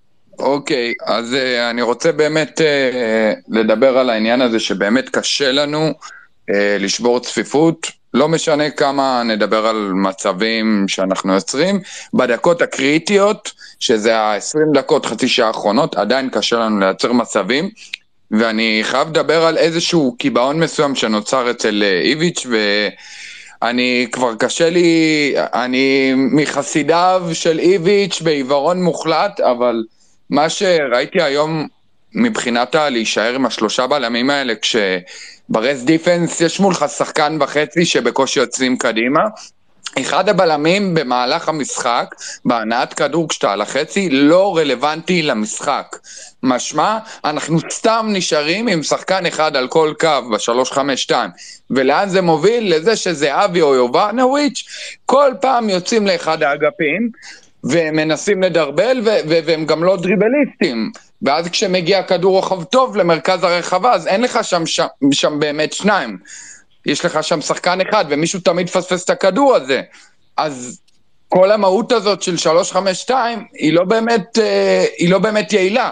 כי אם אתה באמת רוצה שני שחקנים במרכז הרחבה ש, שיגיעו לקרוסים האלה, הם לא באמת קיימים, כי פתאום אתה רואה את יובנוביץ' נותן קרוס מצד שמאל, אוקיי? וזהבי בקושי מגיע לזה, אז אנחנו מפספסים, מפספסים את כל המהות של העקרונות משחק שלנו. אה, במשחק הזה, נניח נגד אה, אשדוד בחוץ, שראינו שאשכרה במעברים יכולים לצאת לך איזה שלושה שחקנים, ממטה, בריאון וכנען, שזה באמת מסוכן והבלמים באמת רלוונטיים לכיסוי של השלישייה הקדמית שלהם. אז באמת אתה מבין למה הוא נשאר עם שלושה בלמים, אבל נגד נס ציונה, נגד... אה, נגד היום, נגד הפועל חיפה אני באמת לא מבין למה אנחנו צריכים שלושה בלמים על שחקן וחצי שיוצאים נגדנו במעברים, וזה סתם, אגב, זה גם שוחק את שני החלוצים שלנו, ש, ש, שלא תבינו אחרת. גם זהבי וגם יובנוביץ', חלק מכל העניין הזה של ההחמצות שלהם, זה כל הריצות האלה לאזורים שהם לא רגילים אליהם, זה כל הריצות האלה ל-30-40 מטר. חבר'ה, זהבי ויובנוביץ', אלה שחקנים שזה לא באופי שלהם בכלל. זה, זה, זה, זה לא משהו שהם אמורים לעשות בדיפולט שלהם. צריכים יותר שחקני כנף שיעבדו בשביל הקרוסים אליהם, ואין לנו גם שום יכולת לייצר יתרון מספרי באגפים. אתם רואים, סטבורית כל פעם נכנס מקו שלישי, ועד שהוא נכנס זה די לוקח זמן, ובגלל זה ההתקפות שלנו מאוד תקועות, כי עד שסטבורית ייכנס מקו שלישי, זה, זה, זה לוקח זמן, עמדת המוצא שלו מאוד נמוכה. אז בגלל זה אני, אני באמת מתקשה להבין את ההחלטה הזאת. אתה אוהד מכבי תל אביב? ברור. יופי, לא, אני, אני, שמח, אני שמח שמישהו אומר את זה ממכבי תל אביב, כי כשאמרנו את זה לפני כמה פעמים שאיביץ' מקובע, אז כל האוהדים של מכבי תל אביב אומרים, אנחנו סומכים על איביץ'. עכשיו, אין בעיה לסמוך על איביץ', אבל קורים דברים בכדורגל, ואתה בטח יודע ורואה, שאנחנו רואים גם קבוצות כדורגל שמתקשות, משחקות עם שני מגינים תוקפים, ומשאירות שני בלמים, וזה לא קרה אף פעם עם איביץ'. וזה מאוד מוזר הקיבעון הזה. גם היום, לא, הוא היה צריך אבל... לעבור ל-442 בשלב מסוים, גם לדעתי, ב-442 יהלום, ואולי לשחק עם... אה, אה, לתת מה שנקרא לאוסקר לשחק יותר מקדימה, לפנות את ריקן שמאלה, ולתת לו לשחק ביחד עם גבי בקישור. אה, קפלן. קפלן, אתה יודע, אתה יודע, אני אספר לכם משהו ש... שהרבה אנשים כנראה לא מבינים. יהלום, 442 יהלום, אוקיי? זה אולי נכון, אתם אומרים 4-4-2 יהלום, יש ארבעה שחקנים במרכז המגרש. קח קופ, זה אחד המערכים הכי מופקרים באמצע שיש. אחד המערכים הכי מופקרים באמצע שיש. למה? כי כשאתה יוצא ללחוץ, הקשרי שמונה שלך יוצאים כל הזמן לאגפים, כי אין לך שום שחקני כנף שעבדו שם. אז ברגע שהם יוצאים לאגפים, אתה פתאום מוצא את עצמך עם שש בודד. השקד, זאת הסיבה, זאת הסיבה שאיביץ' הוא freak control. של, של, של שלושה קשרים, נכון. כאילו, ש... והוא לא רוצה את השיטה הזאת לא של היהלום, אני, אני מחזק את שקד. גל, שניכם צודקים, הכל טוב ויפה, אני לא אמרתי לפתוח ככה. ברגע ש, שרואים לאן המשחק נושב, בדיוק כמו שעשה לנו ברדה בבאר שבע, שהבין בדיוק לאן הדברים הולכים, והבין שיצאנו קצת קדימה, והבין שהוא צריך שחקנים יותר מנוסים קדימה, אז הוא הכניס את חתואל וחמד והוא הרוויח את זה צ'יק צ'אק. אנחנו ראינו בדיוק מה הפועל חיפה, והפועל חיפה הסתגרה אחורה ונפלה ושיחקה עם הדברים, והיינו צריכים טיפה, ל, ל, ל, יכול להיות אבל... שאני כאן, המקום שלי הרגיש לי שהוא פחות מסתדר בצד ימין. טל, טל, באר שבע זה פחות... ב-442 יהלום חייבים להבין. שברגע שיוצאים למעברים נגדך, המגנים שלך כל כך גבוהים, ואז אתה נשאר שתיים. אין בעיה, מי יצא למעברים שם? ואז הפער בין הבלם למגן הוא כזה גדול, שקל באמת לצאת נגדך למעברים. חוץ מחנן ממן, שקד, שנייה, שנייה. אני רוצה לענות לשקד. עם כל הצניעות, הקבוצה היחידה שעשתה את זה טוב בארץ, זה מכבי נתניה. למה? גלאזר היה שש, בכושר פנטסטי. לידו עלי מוחמד. כל מתפרצת, דיה סבא וערן לוי נותנים גול. היה תפור עליהם. אתה צריך להתאים את זה לשחקנים. אם יש כאלה למכבי תל אביב... פרימו, אני זוכר את העונה הזאת. היו הרבה דברים נהדרים בעונה הזאת של נתניה עם היהלום, אבל. עם כל זאת, הייתה סיבה, אוקיי, שעדיין הקבוצה הזאת הייתה סופגת לא מעט שערים, ו- וכאילו גם הבלמים באותה, באותו הזמן של נתניה לא היו רלוונטיים לשיטה הזאת, והיו הרבה פגמים, גם בשיטה הזאת, ולא סתם דראפיץ' לפעמים, ש... דראפיץ' הולך הרבה עם השיטה הזאת, לא סתם דראפיץ', אתה יודע, סופג לא מעט ומפסיד לא מעט. למכבי תל אביב, הריזיקות האלה פחות מתאימות, אוקיי? כי זו קבוצה שיש לה הרבה מה להפסיד. אה, אני לא אמרתי את זה במקום של זה, אמרתי את זה במקום של לנסות. שהיינו צריכים טיפה יותר אה, אה, להיות מאורגנים באמצע כביכול, והיינו יכולים לוותר על החלק האחורי, כי הפועל חיפה לא יצאו קדימה. מי שיצא קדימה זה שני הזרים של הפועל חיפה של... אתה יודע אז כמה גולים... לא אתם מתאים יודעים לליגת כמה... העל. אתם יודעים כמה שערים. גולים, אתם יודעים כמה גולים נתנה הפועל חיפה מאז שרוני לוי הגיע? אה, אפס, ארבעה לא? משחקים? גול אחד. אתה מבין נגד מי שיחקתם? שיחקתם נגד. קבוצה שלא קיימת חוץ התקפה בקבוצה מחנן הזאת. ממן, ח- חנן ממן שרץ על 40-50 מטר. תשעה שערים לא- בשלושה עשר משחקים, אגב. תשאלו את. דניאל פרץ, מה הוא עשה במשחק הזה? אצל רוני לוי הם נתנו גול אחד בארבעה משחקים להפועל ירושלים, זה הכל. חבר'ה, בואו בואו... כן, רימו, תסיים. לא, לא, רק רציתי להגיד שאתם מבינים ששיחקתם אז- היום עם קבוצה שאין לה אז, התקפה בכלל. אז בואו נסתכל, בואו נסתכל, אולי גם נעשה space אה, סיכום אה, סיבוב ראשון, אבל, אבל בואו נסתכל שנייה צ, צעד אחד קדימה. אה, יכול להיות שאיביץ' צריך לעבוד על פלן בי, על משחקים כאלה שאנחנו לא מצליחים להפקיע, כן? אגב, אני נגד ריינה וקריית שמונה וביתר ירושלים אה, והפועל חדרה וכל המשחקים האלה ש, שניצחנו בפער של שלושה שערים, מה שמשותף למשחקים האלה, שהבקענו שער מוקדם, אוקיי? ושאנחנו לא מפקיעים שער מוקדם, שקד שייך את זה ל... אבל גם היום הפקענו, גל, לא? אנחנו הולכים על אותו תמיד. הבקענו שער מוקדם, כן, הוא נפסל בחסות השופט, אבל אני אומר, יכול להיות שברגע שאנחנו לא מפקיעים את השער הזה, הקבוצות עוד יותר הולכות אחורה, אנחנו טיפה נלחצים, ואז נוצר מצב שבאמת, 0-0 מול נס ציונה, והיום בנס באמת ניצחנו את המשחק. יכול להיות שאיביש, גם המחנה אימון הזה, צריך להכין תוכנית, פלן בי, ברגע שאנחנו לא מפקיעים, דקה 60-70, ש- שיתרגל איזשהו מערך, יהלום, אני לא יודע מה, אוקיי? ויכין את הקבוצה למצב שבאמת הקבוצה השנייה לא תוקפת, ובאמת, באר שבע זה לא בדיוק הדוגמה, טל, כי, כי באר שבע באמת קבוצה איכותית, שיכלה באמת, כמו מכבי חיפה, לעקוץ אותנו, ו- ו- ובאמת, נו. ל- ל- ל- ל- אבל, אבל זה לא הפועל חיפה, זה לא נס ציונה, אז נגד קבוצות האלה שמסתגרות, באמת, כמו ששקד אומר, שיש בלם אחד מיותר, אולי שאיביץ' יתרגל את זה, יכול להיות שאיביץ' לא אמרתי, תרגל את זה, והוא מפחד, הוא מפחד לשנות, והוא מפחד לבלגן. ושידרכו על הרגליים, שיתרגל את הדבר הזה. גל, שקד דיבר על הבעיות, אני אשמח לשמוע ממנו איזה פתרונות יש לו ומה כן אנחנו כן צריכים לעשות לדעתו שאמור לעבוד במשחקים כאלה. זה יכול להיות מעניין עכשיו. אז אני אגיד לך, בעיקרון, פרפגו יגון זה הסיפור פה, אוקיי? כי מבחינת איביץ' הוא לא ווינגר, לא, לא, לא משנה מה תעשה. עכשיו, שקד, אני אני, סליחה, אני מתקן אני אותך. עבדתי- סל- אה? שקד, סליחה, תיקון קטן, השבוע במסיבת עיתונאים הוא כבר קצת התקפל, ואמר ש, ש, שפרפה יכול לשחק גם כווינגר, הוא קצת וד- שינה. והערת אז אני אגב, אגיד לך, שנה שעברה אני עבדתי במכבי נתניה, ועם כל הכבוד ראיתי את העבודה של פרפה כווינגר, ועוד ווינגר שלוחץ ב- ב- בצורה מאוד אינטנסיבית, הוא היה הוא עובד מאוד הקיצוני קשה על שמאלי הכי המגרש. טוב בארץ, ואף אחד לא ישכנע אותי אחרת. אז. אז אני פשוט מתקשה לקבל את, ה, את הבום הזה של אה, פרפה לא, לא ווינגר. עכשיו, בואו חבר'ה, כאילו עם כל הכבוד, פרפה שחקן מאוד אינטנסיבי ברמה הפיזית, אוקיי? הוא יכול ל- ל- להסתגל לכל מה שאיביץ' דורש באגף, ואני חושב שיחד עם יונתן כהן אנחנו יכולים לייצר מצב שבו מכבי עוברת ל-4-3-3, שבו היא משחקת עם שני שחקנים בכל קו, ואז אנחנו גם מייצרים את המצבים שלנו בצורה הרבה יותר בריאה, בלי שיובנוביץ' או זהבי יוצאים כל פעם אל האגפים, וגם אתם תראו שחוקה בדקות, פחות שחיקה בדקות של שניהם, כי שניהם שחוקים בדקות. חבר'ה, הם שניהם עייפים, וגם הם לפעמים צריכים לייצר את המצבים לעצמם, זה מאוד שקד, אתה חסר צריך להם. לשפר מיקום, שומעים אותך נורא.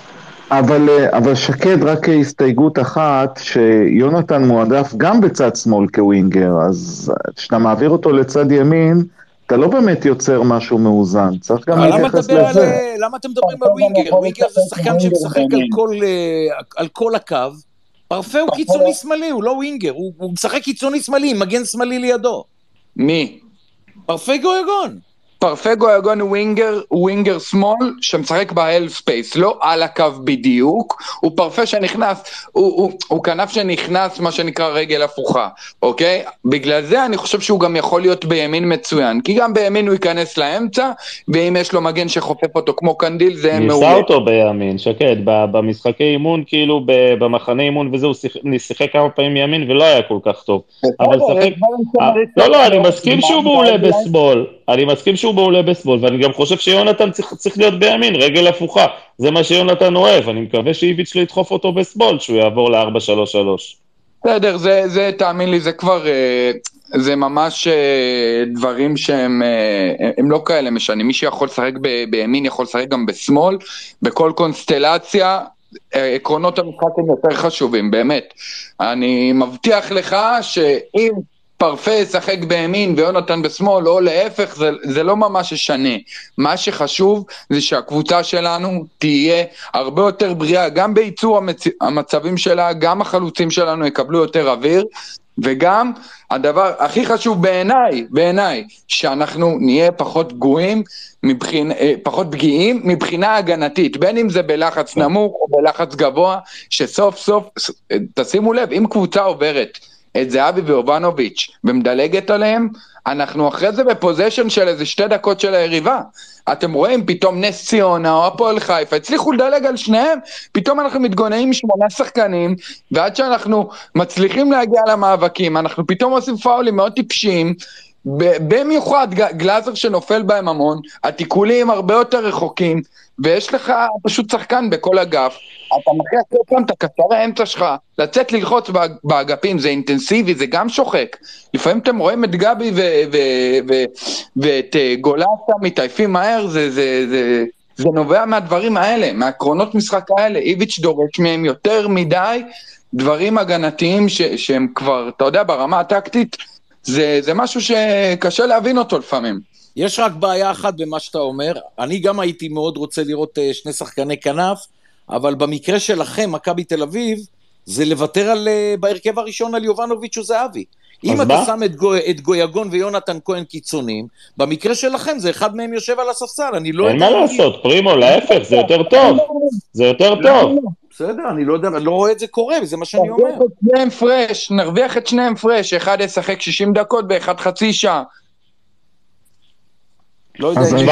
ה- אני הבא- שואל אם המערך הזה, כן. אני שואל בזהירות, הוא בסופו של דבר לא נקרא לו פוליטי, כדי לאפשר לשניהם לשחק, וזה מה שמסבך את כל הסיפור, שרוצים את לא, אבל, ו- אבל תמיר, אבל תמיר, באמת שאין לנו ווינגרים, זה לא, זה לא שאיביץ' ממציא כרגע, כרגע יש לנו אוקיי, אולי אבל- פרפגו יגון, ו- ואין לנו שום דבר, אבל, נכון, אבל אבל, מצד אבל שני, כרגע שקד, שקד צודק, אתה הרבה פעמים רואה את יובנוביץ' מסכן באגף. מה הוא זאת לא אומרת? ברור, הוא מקבל בוודאי. כדור לאגף, אין לו מה לעשות שם, אין לו דריבל, אין לו באמת יכולת לפרוץ על הקו. זה נראה לא טוב, זה כדור אבוד גם. אגב, אגב, אנחנו גם אמרנו את זה בתחילת עונה, שמכבי תל אביב כנראה צריכה לנצח שמונה, ת- שמונה, ת- תשע קבוצות כאילו באהלן אהלן, ושלוש ארבע קבוצות יכולות לעשות לנו uh, קצת בלאגן. אז כן, אז הפסדנו שני משחקים ועשינו שתי תוצאות תיקו, תוצאת תיקו אחת נגד נס ציונה באמת היא לא קשורה לשום דבר. אבל, אבל אתם רואים שזאת בסוף הסטטיסטיקה, רוב הקבוצות, גם במערך הזה לא יכולות לסכן אותנו. אבל אם אנחנו נגיע עם הקבוצות האלה לקראת הסוף ב-0-0, כן, איביץ' צריך, צריך קצת לצאת מהקופסה ולשנות. עכשיו, אה, אגב, יש לנו... דיסוננס מוחלט בליגה. הדיסוננס בליגה הזאת הוא מטורף. למה? יש פה רק שתי קבוצות בליגה שבאמת יכולות ללחוץ אותך טוב, אוקיי? שזה, שזו באר שבע וחיפה, הן עשו את זה מצוין, ובגלל זה גם הפסדת, אוקיי? מה שקרה שם זה שהם הבינו שההתקפה שלנו איטית, ההתקפה שלנו אחת האיטיות בליגה. ברגע שאתה לוחץ אותנו גבוה, אין לנו שום יכולת באמת לסכן את הבלמים של היריבה ולנצח בריצות האלה ל-30 מטר. נכון. אז מג- מיגל ויטור זה היה הכי סימבולי בבאר שבע בטרנר, שמיגל ויטור מגיע לכדור לפני ערן זהבי, על ה-16, כאילו, חבר'ה, חיפה הבינו את זה גם. אין בעיה, אני- סבבה, יהיה מן טו מן, חלוץ לבלם, חלוץ לבלם, אבל אנחנו לא נגיע לפניהם. לכן יונתן היה צריך להיות כשיר חודש לפני חיפה, ויונתן היה צריך לפתוח ולתת לאיביץ' את האפשרות לשחק 4-3-3 ולצמצם שטחים וללחוץ ולק, ו, ו, ולקבל הרבה הזדמנויות ממעברים. חבר'ה, כמעט אין לנו הזדמנויות ממעברים. רוב הקבוצות עומדות אחורה, מחכות להתקפות שלנו, לפעמים אנחנו חסרי יצירתיות. פה ושם קבוצה יוצאת קדימה, אנחנו מצליחים לעשות מעבר שתיים במשחק מוצלח, כן? מה שהיה. נגד מכבי נתניה, הגול הנפלא הזה, כן? גול העונה, זה הפוקס, חבר'ה, זה לא היה משהו שהוא מייצג. איזה בסופו פוקס? של דבר, איזה הגול פוקס? גול נדיר. לא, זה גול נדיר, אבל זה לא מייצג, פרימו. לא מייצג בשום צורה. זה לא מייצג בשום. צורה את מכבי תל אביב, זה החלום שלנו שזה ייראה ככה, אבל זה באמת היה נדיר. בסוף אנחנו צריכים לשחק 4-3-3, ללחוץ חזק, להרוויח כדורים, כמו שמכבי חיפה מרוויחים את הכדורים, זאת הדרך היחידה בכדורגל היום, לייצר מצבים ולעשות גולים. איביץ' לקח אליפות ב-31 הפרש וב-14 הפרש, כמעט לא היה לו חלוצים, היה לו את שונפלד, אבל מה, הוא הרוויח כדורים, היה לו את אצילי שלחץ מעולה, את צ'יקו שלחץ מעולה, את יונתן שלחץ מעולה, וככה הצ- הצלחנו לייצר מצבים, בלי חלוץ. גל, אתה חבר'ה, מדבר על איביץ' 4-3-3, לקח שתי אליפויות. שנייה, שקד, יש לי גם שאלה, זה- זה מסיים וזו שאלה אליך, אבל אתה כל הזמן מדבר על 4-3-3. ב-4-3-3 היה לו אמצע מאוד מאוד חזק, היה לו את גלאזר, פרץ וגולסה. האמצע הזה כבר לא קיים, אתה רואה שגלאזר... למה לא קיים? למה לא קיים, מיכאל? בטח קיים. זה- זה אימא לא שלה היה- קיים, כר- כרגע, כר- כ- כ- זה כ- לא אבל- רגע, רגע, חברים. רגע, חברים, אבל שקד הסביר, גם ב... סליחה, שקד הסביר במערך הזה של השלושה בלמים, הקשרים בורחים הצידה כדי לסגור את המגינים, ולכן זה לא קישור של 4-3-3, כן? בדיוק, זה קישור הרבה יותר רחב, אוקיי? בוודאי. האמצע, אז- אז עכשיו השאלה שלי, שקד. האליפות, האמצע שהיה לך בשנתיים של האליפות הוא היה כל כך חזק, כי הוא לא היה צריך לש... לצאת לשטחים האלה בכלל. הוא היה. נשאר באמצע חזק, והכנפיים היו עובדים בקווים. אז עכשיו הזאת שלי, לחלוטין לא נכונה בין הקישור של אז להיום. ואני אגיד לכם גם. יותר מזה, איביץ' לקח פה שתי אליפויות רק על זה שהוא לוחץ טוב שליש מרכזי, ואז יש לו ים שטח לצאת אליו במעברים, מה בוודאי. שהיום אנחנו לא מסוגלים לעשות בכלל. מעולה, שקד. אז לפי מה שאתה אומר עכשיו, אם איביץ', אם, אם יצחקי מביא לאיביץ' את השני ווינגרים שלו ומגן ימני כנראה, אולי אפילו עוד חלוץ, הוא יעבור ל-4-3-3 והאמצע של מכבי יראה שונה לגמרי ממה שראינו אותו בסיבוב הראשון. בוודאות. עם אותם שחקנים. ברור. בוודאות. דרך אגב. זה משימות. שונות, אלה משימות שונות של קשרים. בואו נעצור רגע עם זה שלמכבי היה את האמצע של דור פרץ, אה, גלאזר וגולסה, כי ברוב המשחקים אצל איביץ' זה לא היה האמצע הזה בכלל. אתם שוכחים שבעונה השנייה דור פרץ היה פצוע חצי עונה. כאילו זה לא, ומכבי פתחה אז רע. אז היה אווירי כאן, לא והיה כן, מכבי את והיו היו העונה השנייה שחקנים. שלה עם איביץ', את ה- מכבי את העונה השנייה שלה עם איביץ' פתחה רע, דווקא במשחקים הראשונים שגלאזר ופרץ שיחקו ביחד. זאת אומרת, איביץ' היה לו אה, קבוצה מאוד ממושמעת, היה לו אמצע מאוד חזק, שלא היה מורכב ברוב הזמן מגלאזר ופרץ, אלא אם מישהו יתקן אותי עכשיו במספרים, אבל זה מה שאני זוכר, והיה לו שחקני כנפיים ומגנים שידעו להשלים אחד את השני, והיו מאוד מאוד ממושמעים. שוי, מי שהפך את- אה, אצילי למפלצת שהוא היום, ברור שגם מכבי חיפה והכל והתוספות, אבל מי שהפך את אצילי, השחקן, הדמות, למפלצת שהוא היום זה איביץ'. איביץ' לקח שחקן שהיה אה, די מפוזר ושחקן טכני מאוד מאוד, אה, אה, ברמה מאוד גבוהה מרמה טכנית, ולקח והפך אותו לסוג של שחקן שלם. את- אתם מאותה תקופה זוכרים את ג'רלדש מהימים היפים שלו, כי זה שני שחקנים. שהשלימו אחד את השני. טל, בעונה. השנייה, טל, בעונה השנייה התחלנו, התחלנו קצת אה, אה, צולע עם ה-0-0 והאדום של פרץ, נכון. והמשחק של הנגרים בחדרה, שלדעתי שיחקו גלאזר, פרץ ואבי ריקן, אבל הטוויסט היה כאשר גולסה ואצילי חזרו מהפציעות, אוקיי? ופרץ ואז- נפצע, בפרץ נפצע לצערנו, אבל מצד שני זה פינה את את האמצע לשינוי כן, קצת, כן, ואז אז זה היה נראה גולסה, אחרת. גולסה, גולסה ו- גולסה ואצילי אה, חזרו מפציעות, אצילי חזר מפציעה ארוכה, גם גולסה מן הסתם, ואז, ואז באמת זה נתן את השינוי לעונה, אבל בסופו של דבר, זה המערך שאיביץ' אוהב, זה, המער, זה, זה, זה, זה מה שהוא דוגל. למעשה כל הקבוצות בעולם כמעט משחקות במערך הזה, כי זה המערך הכי יעיל, כן? וכרגע באמת אנחנו חשופים, כמו ששקד אומר, יש שתי קבוצות בליגה שיכולות אנחנו לעקוץ אותנו, ושתי הקבוצות עקצו אנחנו אותנו. יכולים, נכון, אנחנו גם יכולים לטחון את המערכים האלה ואת כל הנושא הזה, וזה בסדר, וזה מקצועית, עד מחר. בסופו של דבר, היום, אה, וגם נגד נס ציונה וגם נגד אה, אה, הפועל ירושלים, אני לא נכון. חושב שהגענו לפחות הזדמנויות במשחקים שהיינו נגד חדרה ונגד ריינה אז בבית. טל, אז אמרנו, נגד 10-11 קבוצות אולי בסדר, אז, אז סבבה, אז היינו עכשיו עם אה, 33 נקודות, אבל את לא, המשחק אנחנו בבאר שבע. ואת המשחק בחיפה הפסדנו בצדק, ואנחנו לא לא, רוצים להפסיד. משחקים בצדק, לא רוצים. לא הופענו למשחקים האלה חד משמעית. נכון, וזה בגלל, הרבה בגלל המערך, שמ- שמכבי חיפה ובאר שבע ניצלו בקלות את החולשות שלנו. אני אלך, אני אלך איתך מעבר לזה, דווקא בחיפה זה לא ש-100% לא הופענו, פשוט התוכנית לא עבדה. בבאר שבע לא הופענו נקודה, אין בזה. חוץ מעשר דקות הראשונות, לא הגענו למשחק. כן, אבל בגלל שאיביץ' לא רצה לשחק אה, אה, 5-3-2 יכול להיות, בחיפה, אז הוא ניסה איזה מערך כזה עקום, ויצא עוד יותר עקום, ובסוף גם נענשנו עם הדבר הזה. ויכול להיות שאם הוא היה משחק, אגב, יכול להיות שהוא ידע למה הוא לא רוצה לשחק עם שתי חלוצים בחיפה, אוקיי? וסכנין הוכיחו לנו את זה, וגם באר שבע הוכיחו לנו את זה, למה, למה איביץ' לא עלה עם שתי חלוצים בסמי עופר. אני לא חושב אז- שסמי עופר זה הסיפור, כי סמי עופר בסוף אה, סבורית מסר לאלי מוחמד וקיבלתם גול, אז זה זה יכול היה להיות כל בדיוק, זה מה שזה היה יכול להיות. כן, אבל לא אבל לא הופענו למשחק, חברים, אם זה היה 0-0, היו אומרים איביץ' התבנקר וזה, פרימו, בסדר, אבל לא הופענו למשחק, באמת, לא עשינו כמעט כלום במשחק הזה, וזה בעיני- באמת, כי עלינו בהרכב גרוע, עלינו בהרכב הגנתי גרוע, וזה בהרכב הרכב חסר יצירתיות, וכל, וכל העיוות הזה, בגלל שאיביץ' לא באמת מאמין במה שיש לו, במשחק ספציפית מול מכבי חיפה, כן?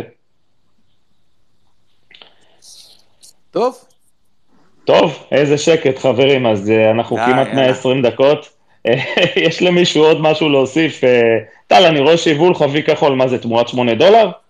אה, לא, קודם כל נרשמתי לשירות של הבלו כבר לפני חודש וקצת, רציתי לנסות אותו. מאסק הוסיף לי אה, וי כחול לא מזמן, אבל אני גם לא יודע אם אני אשאיר, ואני לא יודע אם ייקחו, ואני לא יודע מה הסיפור שם.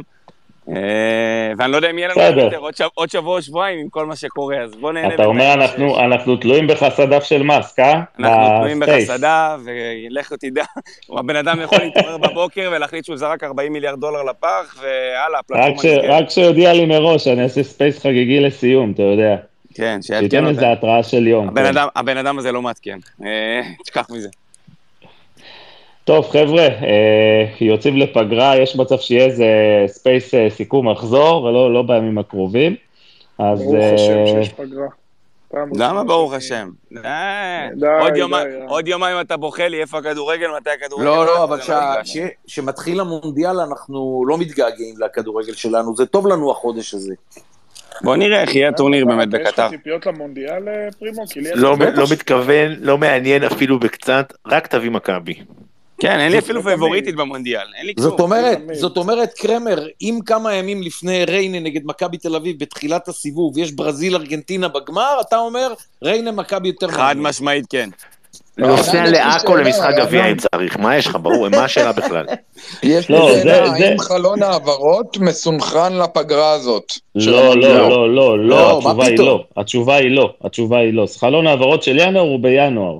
חלון הוא העברות בערך של מחזור ינואר? חמש. לא. חשבתי אולי הקדימו אותו. לא, לא, הוא נפתח הם שבועיים. לא הם לא כאלה חכמים, שקד, בוא, הם לא כאלה חכמים, מה? למה לעשות את, ה, את החלון העברות בפגרה כל כך גדולה? למה? מה? אתה מבין? לא, אבל אי אפשר באמת להתעסק בזה, וכאילו, בואו בוא נשים את הדברים, כאילו, כל העולם עוסק שם, אתם רוצים שנתעסק עכשיו גם בהעברות? לא, לא, חלון העברות, חלון העברות, אם יש, אם יש לך פגרה של אה, חמישה שבועות, חלון העברות כנראה צריך להיות בחמישה שבועות האלה גם, אולי. לא יודע, כדי לתת לקבוצות גם להתארגן בפגרה. לא לעשות את זה מחזור חמישי, אבל בסדר, מה אני מבין? יאללה, אה, ננצל את זה לשזרוע חורף, ומי שרוצה באמת להתעצבן, שיראה את הסרט על פיפא בנטפליקס. מי עכשיו אני שבא לו להתעצבן באמת. לראות את זה. לא ייאמן פשוט. תמיר, תמיר, אני בונה על שיר אליפות. אין שם, אין שם שום דבר חדש לכל מי שקורא מדורי ספורט אה, ויודע זה, שום דבר אין, אין חדש על אה, פיפא. כן, אבל עוזי, כשאתה מקבל את זה בתרכיז כזה, אתה משתגע. לא, תשמע, אז אני חייב להגיד לך שזה שזה יצא רק עכשיו, שבוע לפני, לא יודע, אני לא... מאוד מאוד לא התרשמתי. עכשיו, עזוב אני, שאני, אתה יודע, אני כותב על פיפא עשרות שנים, ואני אומר לך שכל בן אדם שאתה בתור קורא, קורא מדורי ספורט, ואחד שיודע מה קורה גם בכדורגל עולמי, אני בטוח ששום דבר שם לא... אתה יודע, לא, לא, לא שמעת שם שום דבר חדש, נכון? קיבלת... לא, אני, אני, אני רק בדיוק, רק אומר שזה בא בתרכיז, זה הכל. בצורת תרכיז. יאללה. ביום, אה, חברים. אוקיי, רבותיי. ביום פגרה שני נעימה. תאכלו לי, ביום שני תאכלו לי מזל טוב, זה ישמח אותי מאוד, זה שבוע היום הולדת שלי, מה, גם יאללה, שלי? פריבו. משה, מתי אתה? אני 14 לנובמבר. ואני ב-17, יאללה, הרווחנו. או-אה, כן. או-אה. חבר'ה, אז מזל טוב אה, מכל החברים מזל פה, טוב. כל המאזינים. מזל טוב, פרימו, תחגגו, שיהיה לכם פגרה נעימה, מונדיאל, תודה. ושבוע טוב. לילה טוב. ביי, שבוע ביי.